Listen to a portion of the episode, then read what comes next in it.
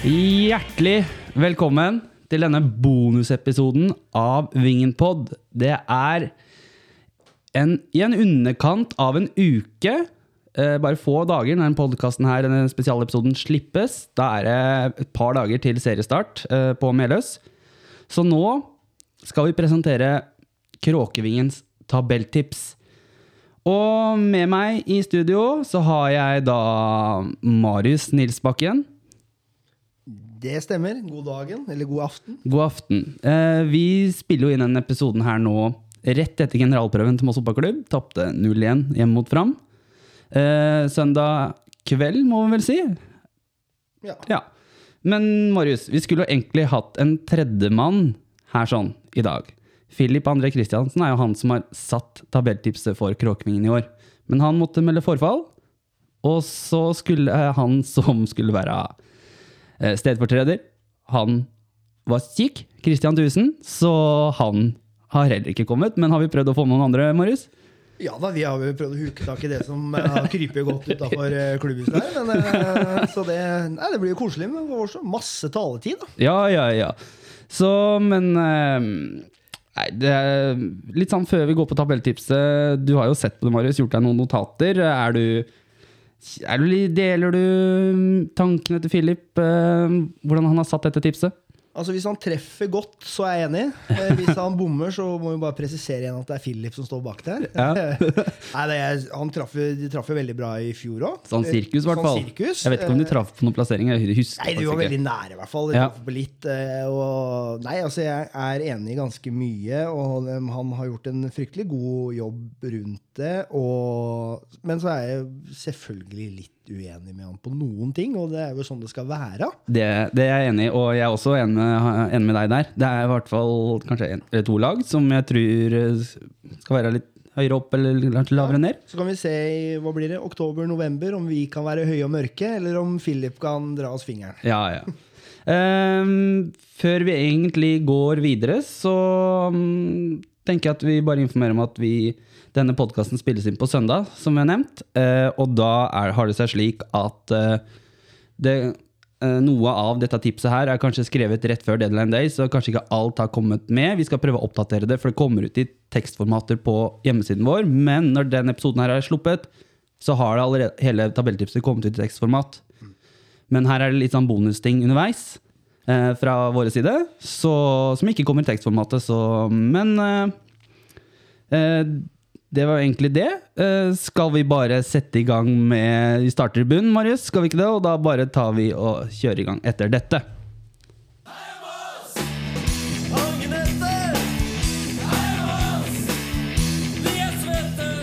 Vi starter i bånn, og der på plass nummer 14 Sotra.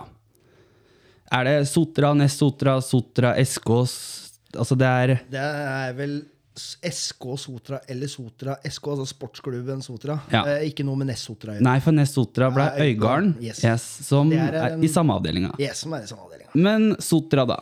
Trener Renate Blindheim blei jo kjent eh, i pandemisesongen, blant annet, for eh, første kvinnelige trener på toppnivå. Stemmer. Yes. eh, Fikk vel en egen serie også på var det VG eller Dagbladet? Sånn. Det er mulig, men en ung og lovende trener. Ehm, plassering i 2021. Tiendeplass.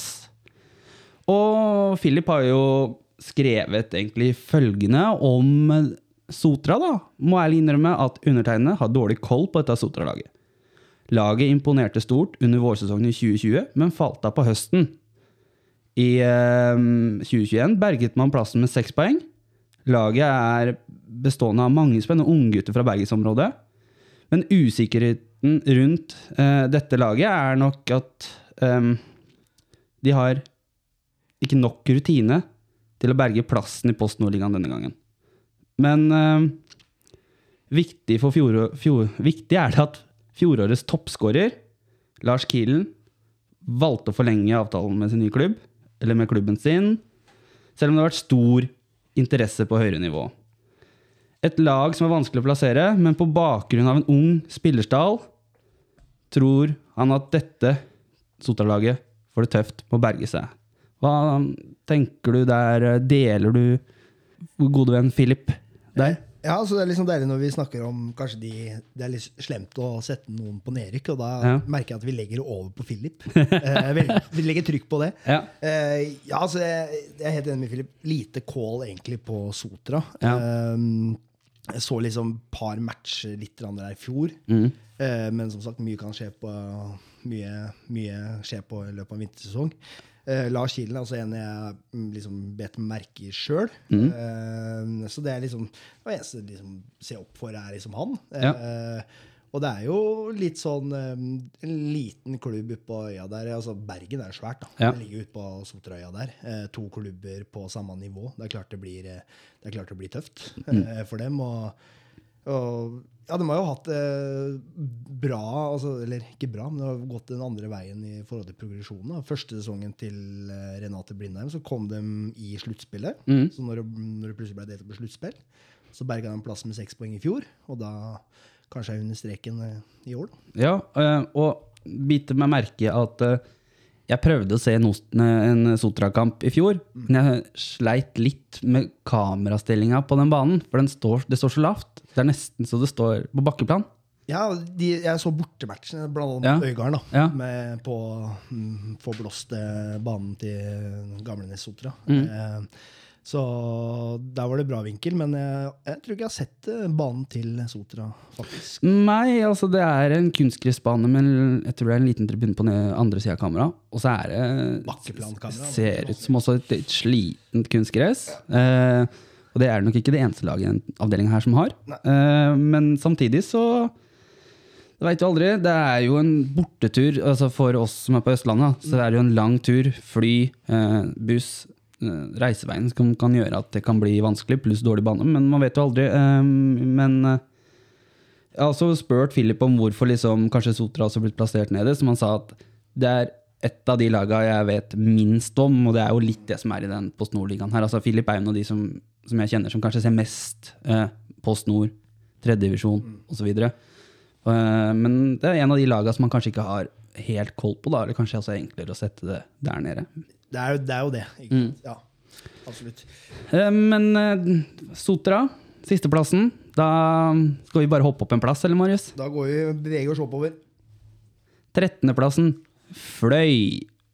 Og hovedtrener der er vel Er ikke det han tidligere starttreneren? Eller startspilleren? Uh, det. Yep. Islendingen? Var trener en liten periode der òg. Ja. Uh, Johannes Thor Hardarson, er det det han heter? Yep. Yes. Um, plassering i 2021 har en ellevteplass. En dramatisk sådan. En dramatisk sådan. Det var noe på overtid på Kjelsås der på Grefsen. De klarte seg med bare målforskjellen, da, tror du? Ja, det er det overtid litt det. Og det kommer jo også litt det her også. Ja. Eh, ta litt kjapt om laget, som Philip eh, har skrevet til oss her. Laget som berget plassen på målforskjell i fjor, vil få det tungt i år også. Laget har likevel noen kvalitetsspillere som er uhyre viktige. Blant annet kapteinen Bjørnar Hove, mm, som har et enormt ansvar for å få orden på sørlendingens forsvar. Midtbanen er Sander eh, Istanes, som skal styre butikken. Den tidligere Bryne-spilleren har et herlig driv med ballen i beina, i tillegg til å være kreativ i pasningsspillet. Og så har du framover så har du Arent Emil Hauge. eh, er nødt til å liksom prestere høyt hvis Fløy skal um, berge plassen i år. Da. Eh, den tidligere Haugesund-spilleren bes, altså besitter et ganske godt toppnivå. Noe liksom er nødt, altså Fløy har nødt til å få fram oftere. Denne sesongen tror uh, undertegnede, dvs. Si Philip, at det blir for tøft for Fløy, og at de dessverre må si hei da til Post Nordligaen. Marius? Ja, det, er, det tror jeg var Fløya i fjor, og fløy i år, som går ned. Ja. Ehm, ja, han er jo inne på det. Bjørnar Hove blir en viktig spiller. Har jo god erfaring i i Obos med Jerv, er viktig. Og så har de jo han keeperen, gamle keeperen til Bryne, Ante Knevic. eh, hvis det uttales riktig. En bra, bra keeper. Eh, Men ellers så er det jo eh, litt sånn som Sotra. Det er mye spillere fra lokalt der, da. Så jeg tror kanskje det blir litt tynt der også. Jeg så jo dem, og det var kanskje litt uheldig for dem, jeg så dem mot Egersund i fjor. Det var den eneste kampen jeg så dem. Altså, igjen så er det jo et lag vi ikke hadde i fjor i avdelinga. Så ikke, følte jo ikke det så tett da. Vi har vel ikke hatt dem siden 2016? Vi rykka ned sammen med dem. Ja. ja så, nei, så, og da var det, det, var, det var tynn suppe, da. Men klart, da var Egers, Egersund topplag, da. Så det er klart litt, eh, litt urettferdig å bedømme den den matchen, men eh, ja, nei, jeg, tror, eh, jeg tror jeg er enig med Filip der. Men uh, Fløy har jo en supporterklubb, eller gruppering, eller hva man skal kalle det. Det har jeg, jeg husker ikke helt hva han heter, men eh, de er jo kjent annet for å ha veldig kule sanger og osv. Det er jo en god gruppering på hjemmebanen deres. Ja, fordi jeg, nå tenkte jeg på makrellstimen. Men var ikke det, det Mandal? Ja, var det Ja. jeg tenkte på Ja. også. Så det, men eh, ja ah, Jeg husker ikke, men Nei. jeg er helt enig. Og så er vel Davy Vatne blodfan, er han ikke det? Jo, det er noe sant. Og jeg husker jo den gangen Lars Martin Engdahl var her. Ja, stemmer. Han gikk jo dit. Han gikk til Fløy. Ja, han gikk Ja. Fløy. Men uh, veit du hva? Eh, skal vi si oss ferdig med Fløy, eller? Det er den oppmerksomheten Fløy får, ja. Ja. Helt enig. Vi kjører videre. Tolvteplassen. Der er det siste nedrykksplass, er det ikke, Marius? Ikke at det er helt feil. Helt riktig. Siste Yes. plassen. Det er eh, Odd 2. Rekruttlaget til Odd. Og trener der er en tidligere Mosse-spiller, Martin Reier. Og materialforvalter. Og materialforvalter. Når han var materialforvalter i Moss, var han faktisk best trent av spillerne på sånne her eh, kondisjonstester. Ja. Så, men plassering i 2021. Åttendeplass. Og kommentaren fra Philip og beskrivelsen av laget Odd 2, ja. Ett av to andrelag i Post Nordligaen.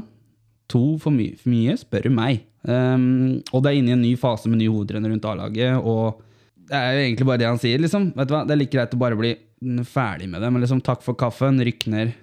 Takk. Ha det bra. Ja. Eh, kjenner, er, du, eh, er du egentlig bare enig i den oppslutningen at vi har bort andrelagene fra den ligaen her? Eh, som supporter så er man jo ikke noe glad i andre lag, men som en, en fotballmann så er jeg fan av andre lag. I forhold til spillerutvikling og alt det der, så er jeg veldig fan av at andre lag er i divisjonssystemet med en del begrensninger som man har, og litt sånn. da. Mm. for jeg mener at det er en veldig god arena.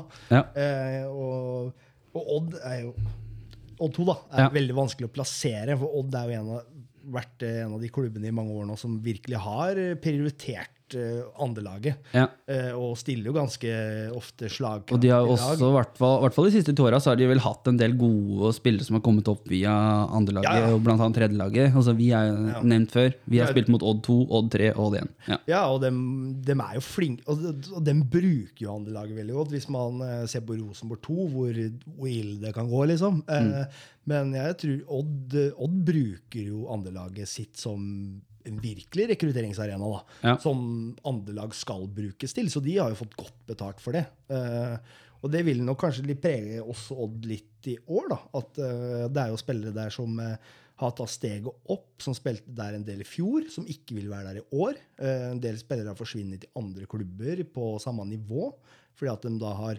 levert bra, men ikke gode nok til å spille Tippeligaen. Så du har jo keeper han Hvalstedt. Ja. Eh, han, han er jo vel ikke telemarking. Alle blir jo kalt telemarkinger der borte, da. Mm. Er veldig opptatt av det. Eh, men du har Konrad, Konrad Vallem.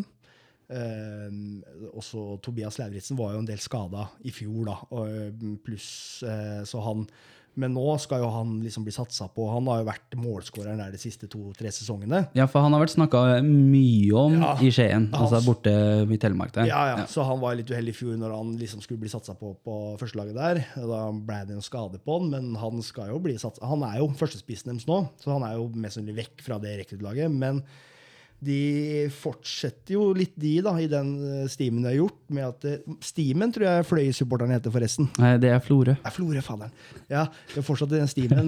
De, de har jo henta inn Abel Stensrud Ja. fra Skeid som Ja. toppskårer i Andersen i fjor. Som mest sannsynlig de skal matche litt på først og fremst på anlaget sitt. Så det er jo en, virkelig en goalgetter. Mm. Hadde en enorm høst for Skeid i fjor. Ja. Uh, så han er jo litt å se opp for. Jeg vil tro at han blir den, em, nye stjernespissen der, da. Ja, og Hadde Christian sittet her nå og sånn sagt, siden du nevnte at han ble toppskårer sånn, Ja, du må liksom se bort fra litt sånn seks-sju mål eller noe sånt som ble tatt mot den der ja, For to-greiene. ja, ja, men eh, Men nese for mål, det var det allikevel, da. Altså, han skåra fortsatt en, en god del mål. Og det var på høsten. Ja. Det var ikke gjennom hele sesongen. Det var nei. på en uh, var- ja. Ja. Men uh, vi, vi snakker liksom om uh, andrelag da, og rekruttlag i Post Nordligaen. Det som var nytt av fjoråret, var at det, da var det ikke mulig å rykke opp til Post Nordligaen igjen. Så de lagene, Vålinga 2 og Odd 2, som er i eh, to forskjellige avdelinger her, hvis de går ned nå, så har de ikke mulighet til å komme opp igjen. Nei, og Nei. det tror jeg de ligger jo. Og som vi var inne på, at Odd har jo hatt veldig tradisjon for å satse på lagene sine. Og Ja. Mm. Fagermo er jo i Vålerenga. Så jeg, jeg tror jo de klubbene der gjør ganske mye for å berge de lagene sine. Ja. Så jeg, Odd er leie å plassere, og jeg tror Odd blir leie å møte. Um, så nei, den er litt vanskelig. Altså, Men profesjonaliteten for eh, Post Nordligaen, da, Mm. og så ha andrelag altså Du ønsker jo ikke å ha egentlig andrelag i en sånn liga som dette her. For at Nei. nivået i Post Nord-ligaen Du ser jo mange av de lagene som går opp fra Post Nord, Mm. de eh, til Obos. De henger jo for så vidt greit med. og no, Noen blander jo seg inn i kvalik allerede første sesong. Det er jo ofte sånn at noen av de lagene bare går rett opp og kjemper, mens det er enkelte lag som ikke tar nivået. Men eh, det jeg tenker at for beste for ligaen så hadde det vært deilig å ikke ha et annet lag. Ja, ja, Ja. Se, se det. det Seriøsiteten og sånt. Ja, altså, det, det er ser man jo litt på det, Igjen da, så snakker man kanskje litt med supporterhjertet der. ikke Ja. sant? Uh, og jeg er helt enig, det er veldig kjedelig å komme på både, sette- både sette- ja. på stadion der, liksom, hvor det er 30 mennesker Så- Sånn som å spille, Når vi spiller mot Odd 2, så spiller man jo på Skagerrak. ikke sant? Men sånn som de gangene vi har vært Stabæk 2, da, så har det vært sånn Du spiller ikke på Nadderud. Du spiller på kunstgresset ved siden av. Og da er det sånn Sett opp buss til Stabæk 2 og Bærum. Nei, går ikke det. altså Nå sliter vi generelt med å sette buss generelt, da, men altså Ja. Det verste som måtte ha andre lag som både supporter og tilskuer, er jo at det ofte blir satt på, på mandagskamper og tirsdagskamper, og sånt som er litt kjedelig. da. ja. Eh, Jeg tenker at hvis skulle de anlaga, eller anlaga være med, så, så burde det vært satt opp som ordinære runder og litt sånne type ting. Det gjør det jo selvfølgelig vanskeligere for andre lag. For det, er, det er viktig selvfølgelig for innbyttere på et A-lag å ha en arena å matche seg på. Men uh, hvis du blir satt opp da i nære runder, så er det vanskeligere å ta med de. ikke sant? Enig. Men veit dere hva? Det er nok andre lag nå, og nok Odd 2. Vi har, brukt, vi har brukt mest tid på Odd 2, men det blei jo en annen diskusjon her. Men det er hyggelig med Reier, da. Ja, ja, ja, det blir hyggelig med Reier tilbake. Hvis det er han som leder dem i den kampen, da, det spørs jo sikkert litt med hvem så, hvor førstelaget og alt det der. Ja. Men uh, Odd 2 går ned, ifølge Philip. Vi sier ha det til Odd 2 og hopper videre. Vi tar like så gjerne turen bare over fjorden. Um, og møter bruntrøyene fra Lystlunden. Ørn Horten, hovedtrener. Kjell André Tu. For alle som har spilt Championship Manager, så vet de hvem det er. Plassering i fjor. Førsteplass i Norsk Tippingligaen avdeling 2. Eh, Horten-laget er nok en gang tilbake i Post Nordligaen etter å ha snytt Eik Tønsberg for opprykket på målstreken. Stammen i laget er noe av det samme som i fjor, som gir eh, trener Tu et godt grunnlag for sesongen. Hvis vi ser på laget, så er Kristoffer soleklar, førstekeeper. Kristoffer Solberg, så klart. Herregud. Eh, I Forsvaret er det rutinerte ringremmen eh, Thomas Søderstrøm Knutsen som blir hærføreren i Forsvaret. Inn har de hentet Horten-gutten Jørgen sjøl. Etter et lite opphold i Bærum er han nå klar for tilbakekomst til Horten. På midtbanen har de Thomas Utter Jensen, som vil få mye av det ansvaret sammen med den offensive midtbanespilleren Nuno Suárez. På topp har de Mustafa Fofana, som har kommet fra Strømsgodset. Unggutten fikk det ikke helt til i Drammen. Men han har god fysikk og fart, som gjør den er veldig spennende. Potensialet for 20-åringen er veldig høyt. Og man legger merke til Ørn Horten eh, så langt i vinter, så har de spilt en god del treningskamper.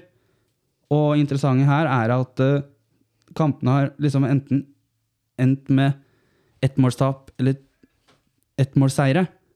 Og hvis man så f.eks. treningskamp på Meløs, da, så så man veldig godt konturene av et organisert lag som da var vanskelig å bryte ned. Så de er med det gode defensive fundamentet, så tror Philip at Ørn Horten klarer seg i år. Og Det tror jeg òg, faktisk, Marius. Det tror jeg òg. Bra lag. Rykka opp fra en god avdeling. Ja. Solid motstand i toppen der. Eh, Så jeg er enig med Philip. De ser veldig bra ut. Og så de- har de vært litt uheldige med at eh, Arna Førsund er jo skada. Er tilbake i trening nå. Han, også, han blir jo kjempeviktig sammen med nevnte Thomas Knutsen i midtforsvaret der. da. Ja. Eh, Så det er jo Eh, Så jeg vet ikke hvor lenge han er ute. Og så har de jo henta inn en spennende spiss, eh, Adrian Rogul. Eh, Fysisk bra spiss der framme. Mm. Eh, Men han i treningskampen nå i helga mot Aske, var det vel, så tror jeg han fikk direkte rødt kort for en liten skalle. Ja. Så det kan jo, så det kan jo gå alt fra to til fire matcher, som de skriver. Så det blir litt, litt ja, Kall det svekka, svekka, men da tar vel for faen av den startplassen der. Mm. Eh, ellers så er det jo som han nevnte Jørgen sjøl, som er en veldig god offensiv høyre back. Og så har de jo nevnte Ute Jensen og Gustav Helling, som i fjor ble toppskårer, så det som er på kantene. Så det er et veldig Og det er som du sier, det er veldig kontinuitet i laget. Ja. Og artisten der er Nuno Suárez. Eh, en herlig spillertype, egentlig. Veldig morsomt å se på. Veldig bevegelig. Syns han er overalt på banen. og er Teknisk god. og Han blir spennende å se på det nivået her, da. Og så har de mista en uh, ringrev, er det ikke det? Håkon Kålsvik. Nei da. Alen Patros. Ja. Ja, han har jo vært i, der i mange herrens år. Eh, han var vel også der sist vi møtte dem i både tredje og andre. Han var vel i Ørn til og med når vi møtte ham i treningskamp i 2011, liksom. Ja, ja, ja. Så han, eh, han har takka for seg. Eh, Men det har jo også han Thomas Knutsen vært. Han er vel det som kanskje kan kalles en legende der borte. Han har mange, mange, mange kamper. Så de har beholdt noe av rutinen der, da. Ja, men, men Ørn Horten det er et sånt lag jeg liker å møte eh, 16. mai her. Men egentlig så er det bortekampene mot Ørn som er spesielle her, syns jeg. da. Altså, det, det, er- det der å dra ned på ferja, fylle opp ferja med mossinger, kommer over, går, ja, så gå inn på Lystlund der og få den ene langsiden der, delvis gul og svart. Eh, Når vi var der nede, vi var der i 2017, så var jo halve sida gul og svart. Det var jo masse mossinger. Det var vel 300-400 mossinger. Det er jo kort vei og en fin tur. Kul pub. Ja.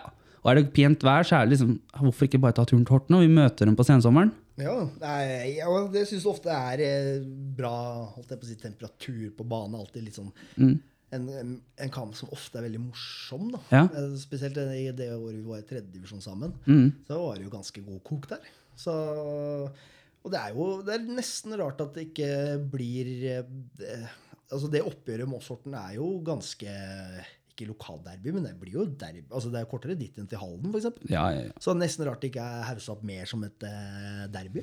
ja altså, Men det er jo ferja imellom. ja hvilken side av fjordet, ja. Ja, Best. så- Oslofjord Derby. Ja, Oslofjord Derby.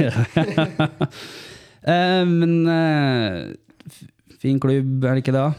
Ja, jeg kjenner ikke sjølve klubben der, altså, ikke. Men eh, jeg, det er morsomt at de er oppe, da. Det synes jeg. jeg syns det er en klubb så, så mange andre klubber som har et navn, egentlig, som hører, hører, på det hører til på det nivået her, da. Så jeg syns det er veldig ålreit at de Jeg håpa at de skulle rykke opp eh, i fjor. Ja. Og det var kult at eh, det gikk.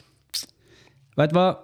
Vi tar ferja tilbake, og så går vi videre opp en plassering.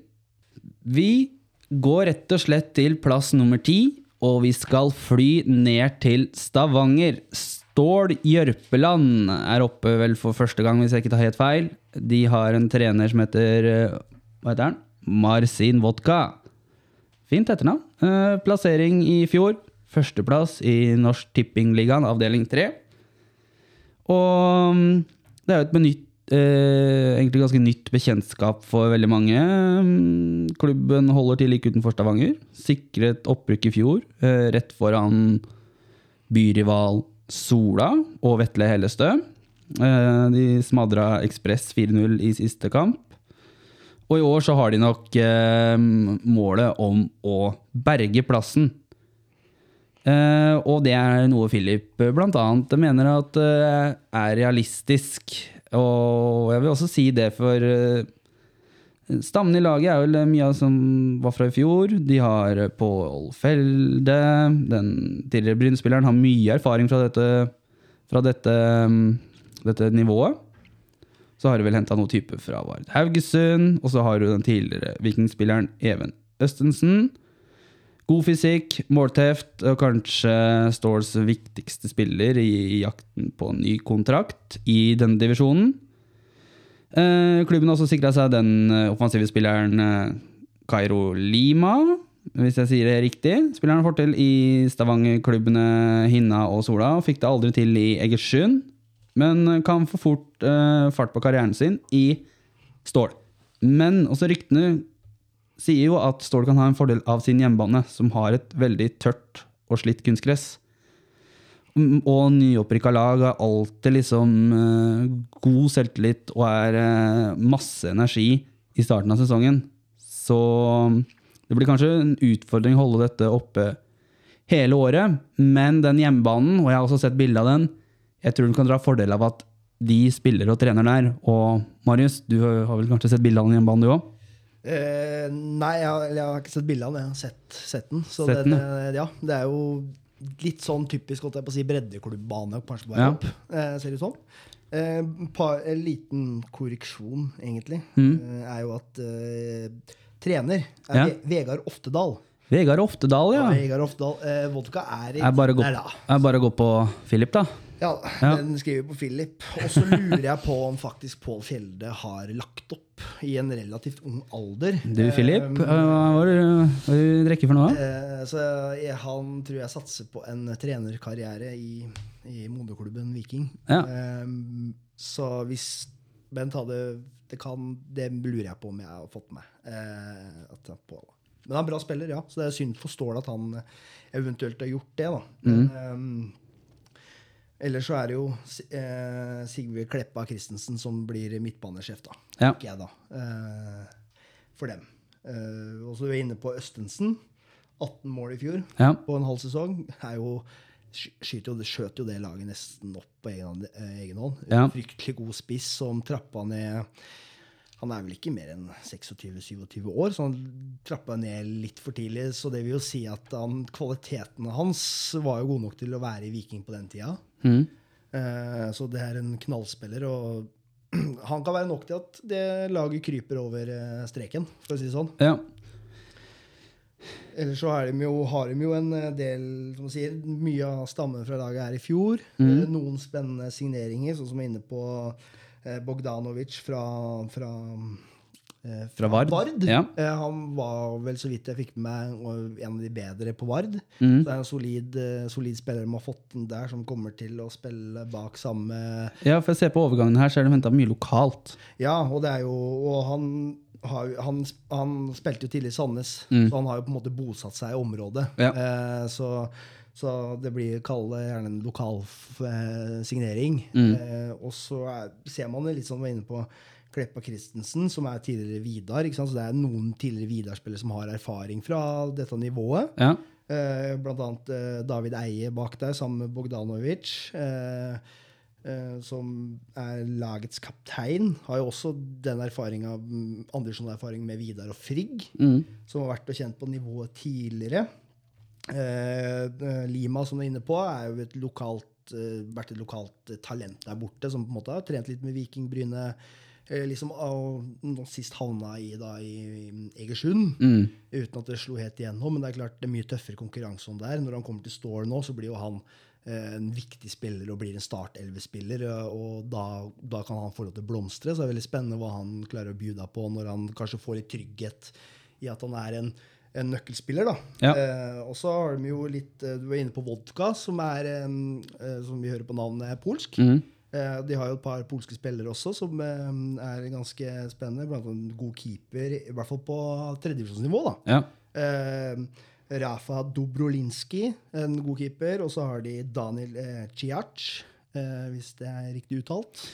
Jeg, jeg er ikke mester på polsk, altså. og det er jo kanskje det som Han er jo spiss, Ja. angrepsspiller sammen med Østensen. Eh, jeg har sett i treningsmatchene når de har fått litt skader bakover, og skal gjøre noen endringer bakover, så er det han som har gått ned bak. Så de sier jo litt om Så han er Stål Jørpelands svar på Team Reinbakk? Ja, på en måte. Ja. Men eh, også kan man diskutere om er det et godt tegn eller ikke. da. Eh, At, og, han er desidert best eh, der framme. Ja.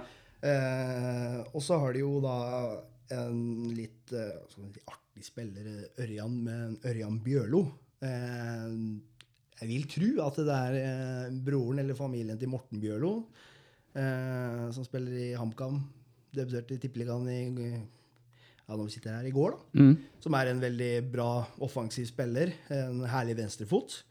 Så de har noen spillere i alle ledd som er, som er veldig gode, veldig spennende. Det blir spennende å se dem på det nivået her. Noen har jo spilt på dette nivået tidligere, eh, så de er jo avhengig av at De er vel, som, ja, som alle, da, avhengig av at du får lite skader og karantener og sånn, da. Men er ikke dette et lag som har prøvd å komme opp tidligere, eller som har satsa litt tidligere? Hvis jeg ikke tar helt feil? Eh, Hvis jeg ikke tar helt feil, så husker du kanskje rundt 2016 der, når du skulle gjøre den omgjøringa, når vi rykka ned til tredje divisjon, så var vel Stål Jørpeland en av de lagene som satsa på å rykke opp. Og så var det sånn fire uker før seriestart, i år så rykker ingen opp. Ja, det er mye mulig. Er det, var det Stål Jørpeland, eller er- bommer jeg der? Det vet jeg hva Eller var det Stålkameratene? Stålkameratene? Eh, oppe i nord? det det? Jeg, jeg vet ikke, men han der Morten Knutsen, tror jeg det var han som var i både Brann og Tromsø. En sånn hardtarbeidende midt, midtmannsspiller. Tror jeg var også spillende hovedtrener eller spillende trener. Det er fullt mulig. Er fullt mulig. jeg, jeg, jeg arresterer meg gjerne når jeg prater helt feil, kan jeg ta helt feil, men jeg mener jeg har hørt noe sånt før, i hvert fall. Det var i hvert fall veldig mange klubber det året som fikk seg en på trynet. Det var det blant annet Sprint Jeløy. Og Lyn. eh, Og Lyn. eh, Og Moss fotballklubb. Så det var nok flere av dem. Men uh, veit du hva?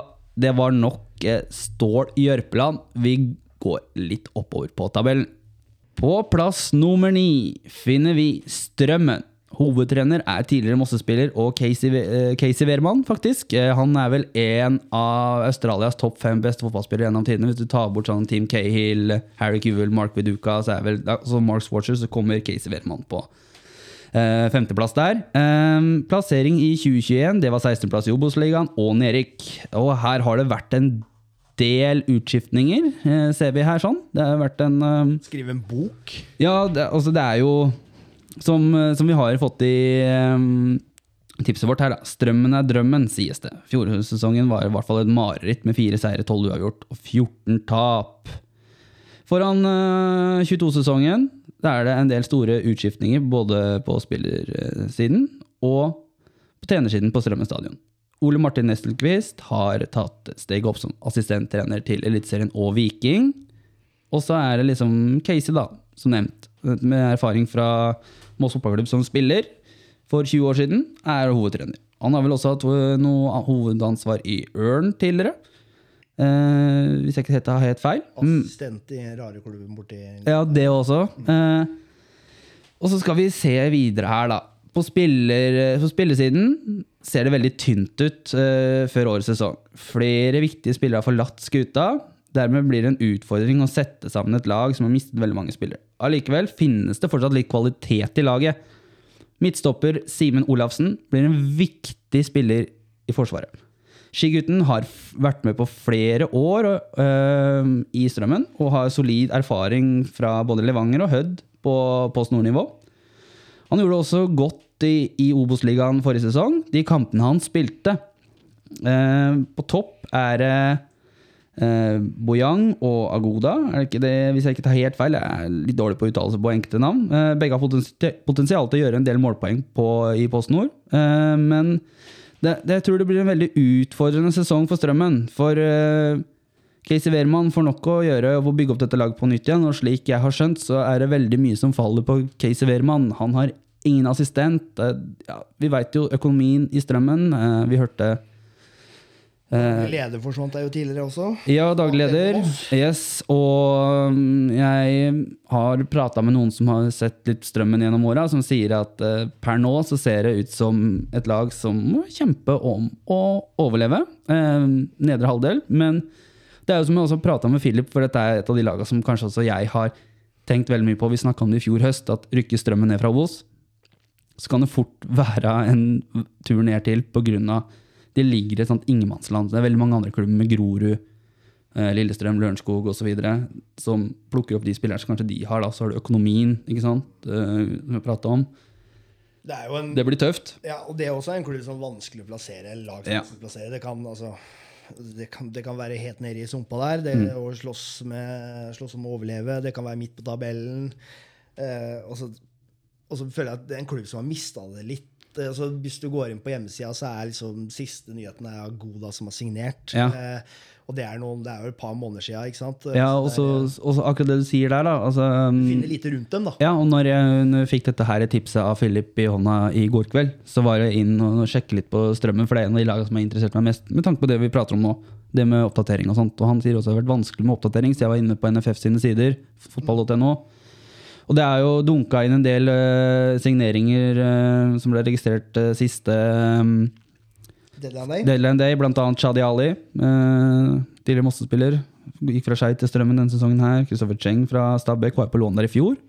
Ja, han spilte i Strømmen i fjor. Ja, også, ja fast. Og så Filip Helseth fra Lørenskog. Og så har jo han med ekstremt lang navn. Fem navn! Men her er Leroy. Vincent Leroy fra, Leroy fra Fram Larvik. Han går under Ja, eh, Jeg lurer på- jeg prøver ikke hele navnet her, for å si det sånn. Nei, Nei. Jeg lurer på om Jeg er litt usikker på um, Bojang der, om han er signert. Ja, det er det. Om det er Leroy og Agoda som blir spissparet der. Ja, Der kommer det litt igjen på det at det er vanskelig å finne informasjon. da. Yes, det er Ja. noe med det. Så man skal få den, Philip. Det, det, det er greit. Ja, Eh, og vi slo dem i en treningskamp eh, i LSK-hallen. Eh, 1-0. Willy Sané, som har gått til SFK eh, i fjerdedivisjon. Så strømmen er kanskje ikke drømmen lenger. Jeg veit ikke, Marius. Eh, Er, deler du Jeg er for så vidt enig i at strømmen er niendeplass. Det høres riktig ut. Det høres veldig riktig ut, og jeg er helt enig i at eh, det er jo Olafsen som eh, får hovedansvaret der. Som, eh, og blant annet han eh, Hatlen Olsen, eh, Ja. som var prøvespilt i Moss, har jo signert. Ja. Uh, og så jeg tipp, og så har du han som var på utlån, er jo der. Mm. Varberg. Ja, og så, og så har jo f.eks. Dennis Ran, Ravneng, som har gått til Råde, Skjeberg- Skjeberg-gutten. Skjeberg-gutten, som du ønska til Moss, blant annet, tidligere. Ja. Så det, du ser jo på den lista ut, det er jo helt vilt. eh, Det går jo ja, så, så har de, så har de mist, ja, liksom, mista spillere til Kongsvinger, de har mista til Lyn, Grorud, Skeid. ikke sant? De har ja. Hadde jo mye bra spillere. så- ja, ikke sant. Og så er det, det er litt det du sier, altså. Når, blant annet um, han nye sportssjefen til Vålinga, Jokke Jønsson, sa jo det når Strømmen rykka ned, eller rett før det ble klart, at det er, er skikkelig dårlig nå. Det går, ja, det- kan være over og ut for Strømmen nå. Ja, og det er jo liksom, og i tillegg til Olafsen var inne på, så hvis, vi kjenner jo Shadi Ali, kjempebra spiller. Ja. Hvis han er selvfølgelig er skadefri alt det, hvis de får en skadefri og frisk eh, Shadi Ali, så blir han kjempeviktig. Og så har jo en mist, må jo bli mistet Strømmen, eh, Mustafa Akrifi. Mm. Er jo der. Eh, han har jo vært der i mange år. Han var lite utlån til Lørenskog i fjor for å spille. Eh, Ja. Blir jo kjempeviktig der inne. Også Brage Naustdal på midten der. Um, uh, blir jo spennende å se. Uh, broderen Torje gikk jo til eh, FK før den uh, Før den sesongen her. etter, ja, før, Eller før? et- Forrige? Etter forrige. Ja, etter forrige, ja. Så, så han blir jo veldig viktig. Og så er det jo selvfølgelig hvis du ser, Aguda og Leroy er jo spillere som har vært i en del klubber Mm. i, um, i Oslo-området. litt sånn, Det er jo både Skeid og Reddy og Det er spillere som på en måte ikke har kanskje fått ut potensialet sitt. da. Ja. Eh, men nå så spiller de på et lag som blir avhengig av dem, og dem kan kanskje få litt frie tøyler. Eh, kan, så litt sånn spennende potensial i Ja, for- for akkurat det- de spillerne der. Ja, og så er jeg, jeg føler liksom at Strømmen er kanskje noe av det vanskeligste å plassere. For det er enten eller. Tenk om de får ting til å sitte. At da får de en god start på sesongen, og så får de litt selvtillit. Og så kanskje at det kommer noen muligheter for å få tak i en assistent, så gjør det litt enklere for Casey. ikke sant? Og så plutselig så blir det et lag som kanskje kan kjempe over halvdel òg, for alt vi veit. Altså, det, det, det er enten eller. Du kan plutselig ha et lag som Tenk om den slår mot alle odds og rykker rett opp, eller at det går rett ned. Altså det er Altså, Jeg blir ikke sjokkert om du rykker ned. Jeg blir heller ikke sjokkert om du tar femteplass. Nei, nei. Og du som var inne på Scheng også, var jo der i fjor. Ja. Uh, vært på prøvespill rundt om, og så enten da tilbake i strømmen. Det er jo, ble, jo, ble jo da en viktig resignering for dem. Ja. Eh, så, så det er liksom eh, Så det, er veldig vanskelig å sette laget, da. Og det er eh, Jeg så jo dem Jeg, jeg fun- Når alle disse ut, uh, spillerne gikk ut, Mm. herregud, hvordan skal gå med strømmen, så så jeg treningsmatchen deres mot uh, Ullkisa, som jeg tror går rett opp i den andre avdelinga. ja. Uh, ikke, så, ikke så gærent der, sånn kvikk. Uh, så, altså det så det var liksom ikke så mørkt som jeg trodde, da, fordi det var noen spillere som var igjen. Og det virker som at De satser veldig på veldig stramt, lavtliggende defensiv struktur der under Casey. At de skal gjøre det vanskelig da, for å, vanskelig å spille mot, og så kjøre overganger. At det er det de kommer til å satse på. Så, så vi så jo blant Moss i dag mot Fram som lå lavt. Ja. det, altså, det blir vanskelig med lag som er gode på nettopp det jeg kaller parkerbussen. Da. Mm. Det, det er jo et fag, det å være gode på det også. Eh, også hvis de da er eh, gode på overganger, så kan det bli et veldig vanskelig lag å, å møte. Ja, og så har jo de også en supporterklubb, eh, Strømmen Greyhounds. Jeg er litt skuffa over at eh, Philip ikke har nevnt supporterklubbene her, for eh, det er jo også andre lag som har det sikkert her også, blant annet Ørn Horten har jo Ørneredet, så eh, liten sånn pekefint til Philip her, at eh, det burde jo vært eh, nevnt her. Det er jo, det er jo en supporterpodkast dette her, så det burde jo vært nevnt, Philip. Stål burde, burde jo hatt Stålkameratene. Ja, men er ikke, det, er ikke det noen andre? Jo, men Stålkameratene er slått sammen til Rana FK, tror jeg. Sammen med Mo i Rana. Ja. Stålkameratene er ledig. Ja, men eh, nok strømmen. Kan vi ikke heller se hva den får til på banen? da? Så kan vi heller se en, når sesongen er gjort opp, og se hvor det ligger an. Det kan vi gjøre. Vi kjører videre. Vi beveger oss opp til eh, åttendeplassen, og der finner vi Ullern. Hovedtrener er Didrik Bjella. Plassering i 2021 er førsteplass. I Norsk Tippingligaen avdeling 6, nyopprykka lag. De har jo en del eh, kjente fjes for Moss og småsinger. Walid Idrissi, blant annet, som eh, hadde en god høstsesong her for Moss i fjor. Kristoffer Skåren, Fredrikstad-dødaren, han er jo signert der. Eh, men Oslo-laget rykket opp eh, i en suveren stil i 2021, og det blir spennende bekjentskap denne sesongen, forteller Philip Aas. Eh, I de bakre rekker finner vi den rutinerte siste skansen. Terje Kirsebom, som etter mange år i Kjelsås har enorm rutine fra Post Nordligaen. I Forsvaret finner vi nøkkelspillere som Fredrikstad-gutten Ismar Di Star. Stemmer ikke, Marius? Stemmer. Kompromissløs midtstopper, som i tillegg er veldig god med ballen i beina. Han blir utrolig viktig denne sesongen. Og nyvalgt kaptein. Nyvalgt kaptein. På midtbanen eh, vil den tidligere Ålesund- og Brattvåg-spilleren Thomas Martinussen styre skuta en meget solid spiller med god spilleforståelse på dette nivået. Da føler jeg meg litt som han der i hjelmen, jeg. Uh, Fremover på banen finner vi hjelmens bestevenn, Jens Bonde Aslaksrud. Han kan bekle en kantrolle. Den tidligere Kjelsås-spilleren var god i fjor, og går nok mot en god sesong i år også. I tillegg til Aslaksrud har Ullern gjort mye gode signeringer i angrepsrekka. Eh, Dreni Ademai er en veldig smart spiller, eh, fotballklok. Eh, blant annet Kristoffer Skåren, eh, som nevnt tidligere. Hurtigtoget klarte ikke å etablere seg til en fast plass i Moss fotballklubb i 2021. En del skadeproblemer satte en stopper for Skåren på høsten. Men en skadefri Skåren kan kanskje gjøre noen målpoeng for Ullern i år. Og så har de ikke minst klart å signere Walid Idrissi. Um, og han drister seg faktisk til å si at dette er kanskje den beste signeringen i årets uh, Post Nordliga, i hvert fall kanskje avdeling 1. Uh, spissen gjorde suksess i Kjelsås de tre sesongene han var der. Fikk det ikke helt stell i strømmen, men i forkant av Fredrikstad-kampen her hjemme i cupen, så ble han klar for Moss. Og der, uh, etter hvert, en litt trå start, så viser det at dette er en klassespiller som dunka inn noen mål for Moss. Så dette laget berger plassen med en god margin. Og Marius, et nyopprykka lag så høyt oppe, er du enig? Uh, ja. Jeg, jeg vil driste meg til å si at det er det beste nyopprykka laget. Ja. Uh, og Ørn kom rykka opp kanskje fra den tøffeste avdelinga, mens Ullern rykka kanskje opp fra den letteste avdelinga. Eh, men allikevel et godt lag, da. Mm. veldig spillende lag, veldig morsomt lag å se på. Spiller en veldig fin fotball. Eh, tidligere så har kanskje Ullern vært litt kjent for å ha mye unggutter. Er jo nok fortsatt en utviklingsklubb òg. Har jo Ja. flere spennende unge spillere. Men tidligere når de har vært oppe De er ikke nytt bekjentskap i andredivisjon, de. Eh, Da har de kanskje bestått av mye lokale unge og, spiller spillere på vei fram. Men nå så syns jeg de har en eh, det Laget består egentlig av mer, mye mer erfarne spillere som er inne på ja, det er mer rutine, med andre ord, liksom. ja, ja, det Spissparet i Aslaksrud og Idrissi blir veldig spennende. Um, du har, som er inne på, Thomas Martinussen, som har en del erfaring fra ÅFK Brattvåg. Veldig bra midtbanespiller. Eh, Lars Følstad, en bra, kreativ, eh, offensiv midtbanespiller.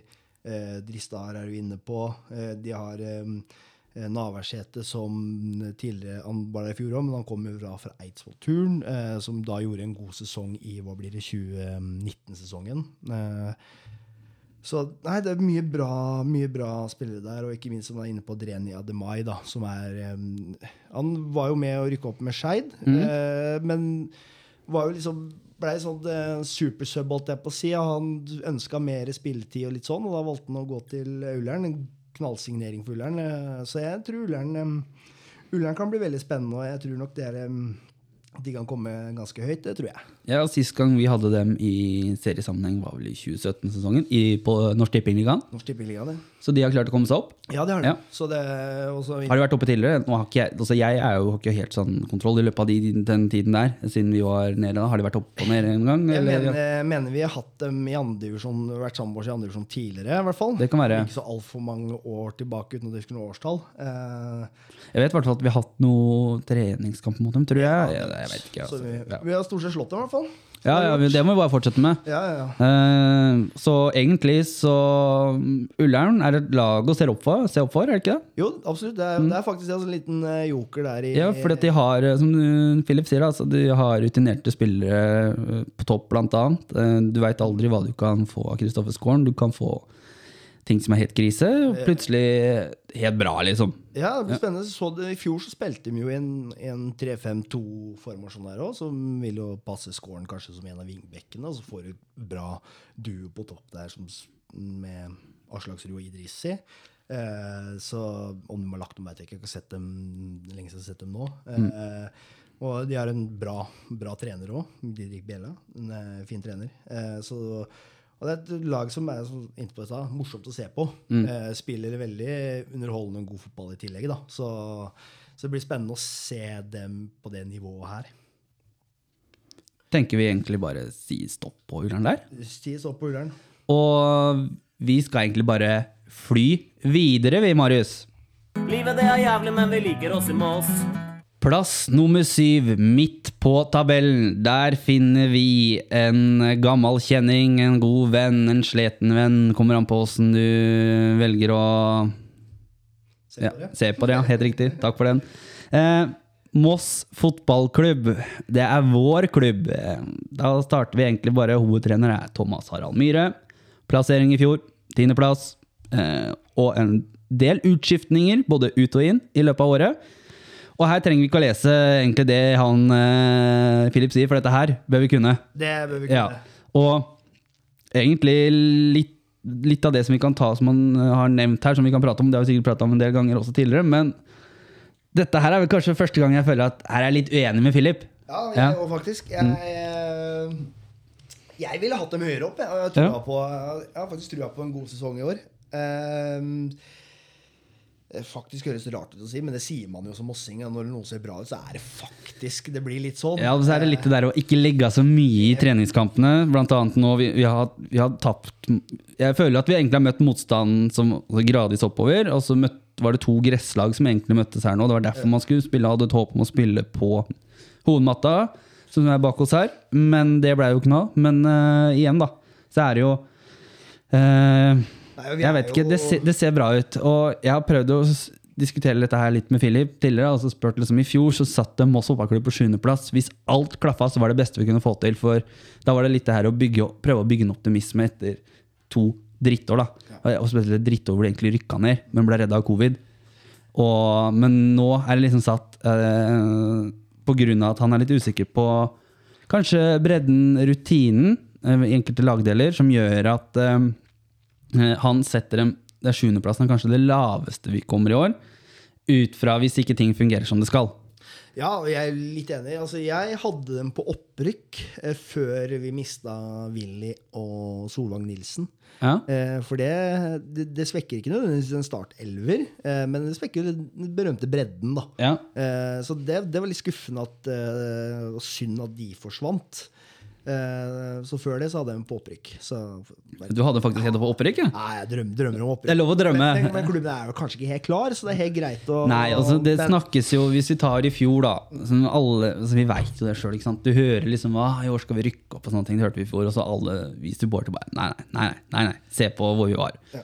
Og, men i år så er jeg enig, det ser bedre ut. Jeg føler at uh, um, At man henter spillet til et system, og man har en plan på hvordan man henter spillere. Så klart, altså vi har eh, På midtbanen da, så er det jo, som man sier, det er eh, annet eh, fire spillere som kjemper om tre plasser, pluss du har utfordrere i eh, juniorer, som er med og konkurrerer på lik linje. Men eh, hvis du tar eksempel eh, Vi har, jeg vil påstå, det så vi i dag, selv om vi tapte 1-0. Vi har ligaens beste keeper. Ja, Ja. Mathias Eriksen Ramark. Ja, ja, herregud, uten tvil. Uten tvil. Så bare der vil vi jo vinne en del poeng. Ja, og så har vi bak han så har vi Danny Rojas, eh, som eh, kan sikkert gå inn og gjøre en god jobb hvis Eriksen skal ut med en karantene eller noen sånne ting. Jeg tipper han jeg tipper han kommer bedre ut i år enn det han gjorde i fjor. Det sånn. tror jeg også. Og så tre- trenger vi cupkeepere. Men bak der igjen da, så har du lovende unggutt Elias Bakke. Og Niklas Lagesen. da. Fire keepere, så du kan liksom ikke spille med fire keepere i forsvarsrekka og Klausen i mål. Det, det å ha fire keepere på kontrakt, det er, øh, det er, mye, det er kanskje en keeper for mye. En keeper for mye, kanskje. Mm. Så er jo Ja, altså vikt, bak, Jeg vet ikke hva de gjør med rekrutt og junior, for nå er vel ikke junior i elite Nei, jeg vet, ikke. altså Hvis du skal holde keeperne, alle keeperne litt i form, da, så eh, Lagesen kan ikke spille juniorfotball. Og så skal Danny i form, da, så må jo de kanskje bytte på å spille rekrutt. Og så må jun, altså Elias Bakke spille junior, for der kan han faktisk spille for å ha kamptrening. Men det har kanskje vært, vært naturlig hvis f.eks. Hvis, eh, la oss si at hvis eh, Danny, da, som egentlig er en type førstekeeper keeper i andredivisjon, egentlig eh, Hvis han hadde for byttet klubb, så hadde du hatt Lagesen og Elias Bakke som utfordrere til Ramak. Ikke det at, jeg tror ikke de hadde tatt den plassen, men da hadde de kanskje, det hadde vært enklere å bytte på dem på rekruttlaget. Absolutt. Ja. Og jeg tror, uten at jeg vet det, da Så, mm. så liksom, Rojas koster jo sikkert litt mer penger enn både Lagesen og Ja, ja. Bakke. Så det er klart en økono et økonomisk spørsmål òg, om det er, er det forsvarlig å ha eh, en så, eh, så to gode keepere på, på kontrakt, liksom. Det er, eh, For, forsvarslinja vår syns jeg kanskje er vår sterkeste. Jeg, før, altså litt, litt tidligere i sesongen så syns jeg kanskje at midtbanen var det. Men det var jo litt med hvilke spillere som var satt opp som midtbanespillere og angrepsspillere osv. Men Forsvaret, der har vi jo Vi har fått på plass Christian Strande. Vi har eh, Emanuel Trodar. Eh, og så har vi Stian Andersen. Tre solide stoppere, vil jeg si. Pluss en meget god utfordrer i Markus Velinder, eh, som spilte høyreback eh, nå mot Fram Larvik, blant annet. Og Leo Getz eh, på venstreback. Og en ganske eh, vass utfordrer i han Skarnes eh, Gray på venstrebekken. Og så har du, men vi har kun én rein høyrebekk, og det er Marius Andresen. Mm. ja, så er vi litt spent. I dag så var det en backfirer. Jepp. Eh, det er vel snakka om at det kan være aktuelt med en treer. Mm.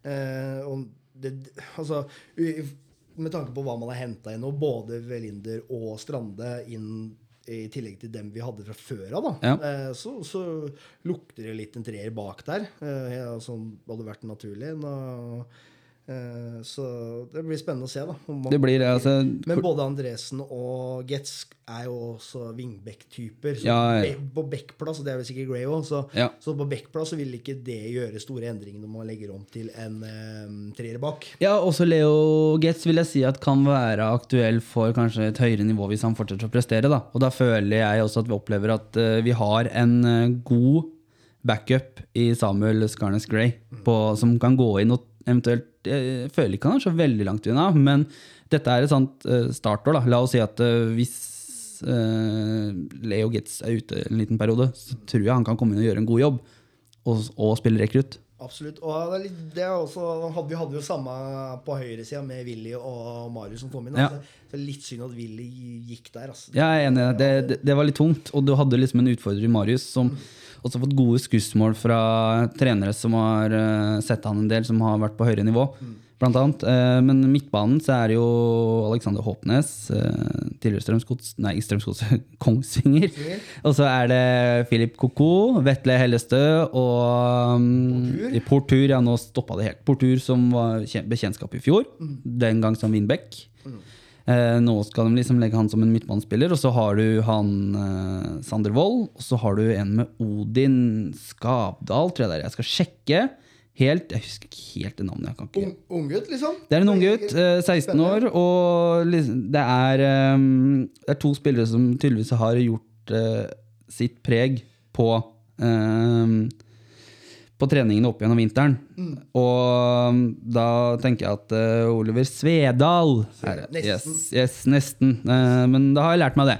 Ja, og, men eh, det, blir det blir spennende å se hvor mye spilletid de eventuelt får, da, men vi får vel sett en del på rekrutt. Ja. Jeg syns jo Koko er jo en, eh, en suveren signering og en spilletype jeg mangla litt. Ja. litt den derre Men han har noen brøl, brølere der, og det så du litt i dag også, Ja, kanskje. Gjør det. Gjør det. Ja. Jeg, han spiller jo i, i den dype rollen der. Jeg skulle gjerne sett han som indreløper litt for å luke bort de der brølerne som du så i dag. Mhm. øh, Hvor man gjerne For man blir jo på en måte bakerste, ofte bakerste mann på midtbanen. Ja. Uh, at man kan få litt sånn leiebrudd, men jeg syns jo han er den spilletype jeg en måte savna litt i Moss. da. Uh, fart i beina er en, uh, gjen, eh, en gjenvinner. Er, eh, ja, så synes han det er jo det, Philip skriver jo det Moss i Kanté. Så ja, en god sammenligning mm. spillemessig. Så han er jeg veldig spent på. Eh, og det jeg har sett i regnskapet, også har vært veldig god. Eh, ellers så syns jeg midten Hellestø er spennende, selvfølgelig. En, en målfallig indreløper er jo en drøm å ha. Eh, Håpnes. Mm. Også Portur. Jeg skulle gjerne hatt inn gjerne hatt inn en til på midten der, så mer kvalitet per dags dato. En som kan, ja, hvis vi får en skade, da, så blir Ja. det fort tror- bare tre spillere. Ja, for jeg Ja. tror liksom Vi har veldig mange spillere på så Koko har jo erfaring Mm. eh, og spilt mye andredivisjon eh, til sin unge alder. Og Hellestø har jo greit god erfaring, har spilt på det nivået her før, og god erfaring fra nivået under. Ja, Ja. Og så er liksom Portur og Håpnes kanskje på vei fram. Ja. Mm. Eh, og det er kanskje Hellestø også. Det er jo litt sånn typen på vei fram. Ja. Eh, så vi har mye, mye spennende på midten der. Så Det har vi. Derfor, skulle vi måte hatt en, en det, det, uten, jeg vet ikke hvem jeg skal sammenligne med, da, men, eller hvem vi savner, men skulle hatt en til med liksom litt punchy. Litt, eh, en, en som stikker inn nå, er Vestvatn, f.eks. Ja. Hatt en, den typen i tillegg. uh, I tillegg til det vi har der, da. Ja. Og, men angrepsrekka, det, det, det ser det spennende ut, syns jeg. Altså, jeg tror nok at Claudio Braga blir, som uh, Philip sier, en publikumsfavoritt. Det tror jeg fort kan bli. Ja. Og Det samme blir jo også Noah Alexandersson. Eh, og det kan også Bamba bli pga. sitt vesen. Eh, litt sånn væremåte og attitude på banen. Eh, er jo en stor, sterk spiller, også bra tempo. Men det blir spennende å se hvor mange mål han scorer. Jeg tror han kan skape mer ugagn kanskje periodevis i år. Så kan man kanskje se eventuelt neste år, da. Men i år så tror jeg det er liksom at vi får se at han vil lage litt mye ugagn, som kanskje gjør at øh, Claudio Braga skårer, Noah kan skåre litt, eller Hellestø da, fra midtbanerollen. Sin midtbanerolle kan skåre litt mål. Ja, jeg tror vi er i en sånn situasjon hvor vi ikke kan eh, Jeg tror ikke vi skal forvente 20 pluss-mål på Bamba. eh, Men, Men ti mål, da? Ja, kanskje. Med en del straffer, kanskje. Så, Men jeg tror vi, tror vi kan se et lag som scorer en del mål for det. Mm. Fordelt på som vi Fordi at vi har flere målskårere, liksom? ja, ja. Ja. Jeg hørte jo annet Tom Nordli si det for litt siden at når Start tok sølvåret, så var toppskåreren eh, Marius Johnsen på Venstrebekk, yes. med seks eller sju mål. Ja. Så, men, men laget scora nest De, flest. ja, de hadde mye målskårere med, med, Ja. Fredrik Stømstad, Alex Valencia og sånt. Ja, ja. Ja. Så, så du, du kan se som vi var inne på i stad, Ullern Mm. og Stål blant annet med Even Østen. Sånne ting. Det, ok, Ja. Der har du 20 pluss-mål. at- Men ikke sant, si Stål skårer i 30 mål, og så står Østensen for 20 av dem. da. Det Ja, og- skje, så. Og så har, har vi jo liksom Vi har jo en del spennende spillere som ikke er nevnt her også. Anas Farah, da. Masse U-landskamper for Norge. Vært sett på som en av de store. Landskamper for Djibouti. Ok, man kan også si ja, Djibouti, men fortsatt. Du spiller på internasjonalt nivå. da. Du møter kanskje eh, Nigeria borte, hvor det er 60 000 på tribunen uten, uten, uten covid. da. Og i tillegg så har du jo Thomas Clausen som vil bli brukt som en type eh, midtspiss, falsk nier, som whatever. Altså, jeg vet ikke. Eh, Du må ikke ha en, den vanlige nieren som vi har snakka om tidligere, for å skåre mål. Nei, nei, du er ikke avhengig, du er ikke avhengig av det. ikke sant? Så Det hadde vi kanskje hatt i Pedersen, f.eks., men han er ikke med nå. Men øh, også har jo han Singh, jeg har ikke sett så særlig til han. Han er uten skade, eller? Vært med skade. Han sakte, men sikkert opp nå, ikke sant? Eh, Michael Singh. Eh, Men det blir spennende å se han når han eventuelt kommer tilbake. Hva kan han bidra med? Eh, Kjenner ikke til han. Det blir et nytt bekjentskap som jeg ser fram til. Og så er jeg jo fryktelig som vi er inne på Braga. Ja. Veldig spent. Eh, han har jo vært god i treningskampene, vært litt sånn artisttype. Mm. Vært en som er inne på publikums eh, favoritt. Eh, men det er mot sånn variert motstand. Ja, jeg også- blir veldig spent på å se han i serie i sånn, På gress. på gress, norsk klima, altså norsk spilleklima. Ja. Ehm, eh, og, og det vil jo ikke være veldig rart om det varierer veldig prestasjoner. Altså, så tenker han Du flytter jo ganske langt til noe veldig ukjent. Tar litt tid, alt Ja, ja, ja. inne på før. Eh, så, så det er jeg veldig spent på. Enten så blir det gull, eh, eller så blir det bob-om. Er fryktelig spent. Jeg håper jo og tror at han slår til. eh, og Det er derfor jeg også er veldig optimist. Han blant annet som gjør at jeg er veldig optimistisk til årets sesong. da. Ja, og så ser du jo han har jo tatt litt ansvar utenfor banen nå med å være trener i et eh, lag på Yngres. Um, og er jo en veldig godt likt person generelt i klubben av uh, de unge, da, lovende.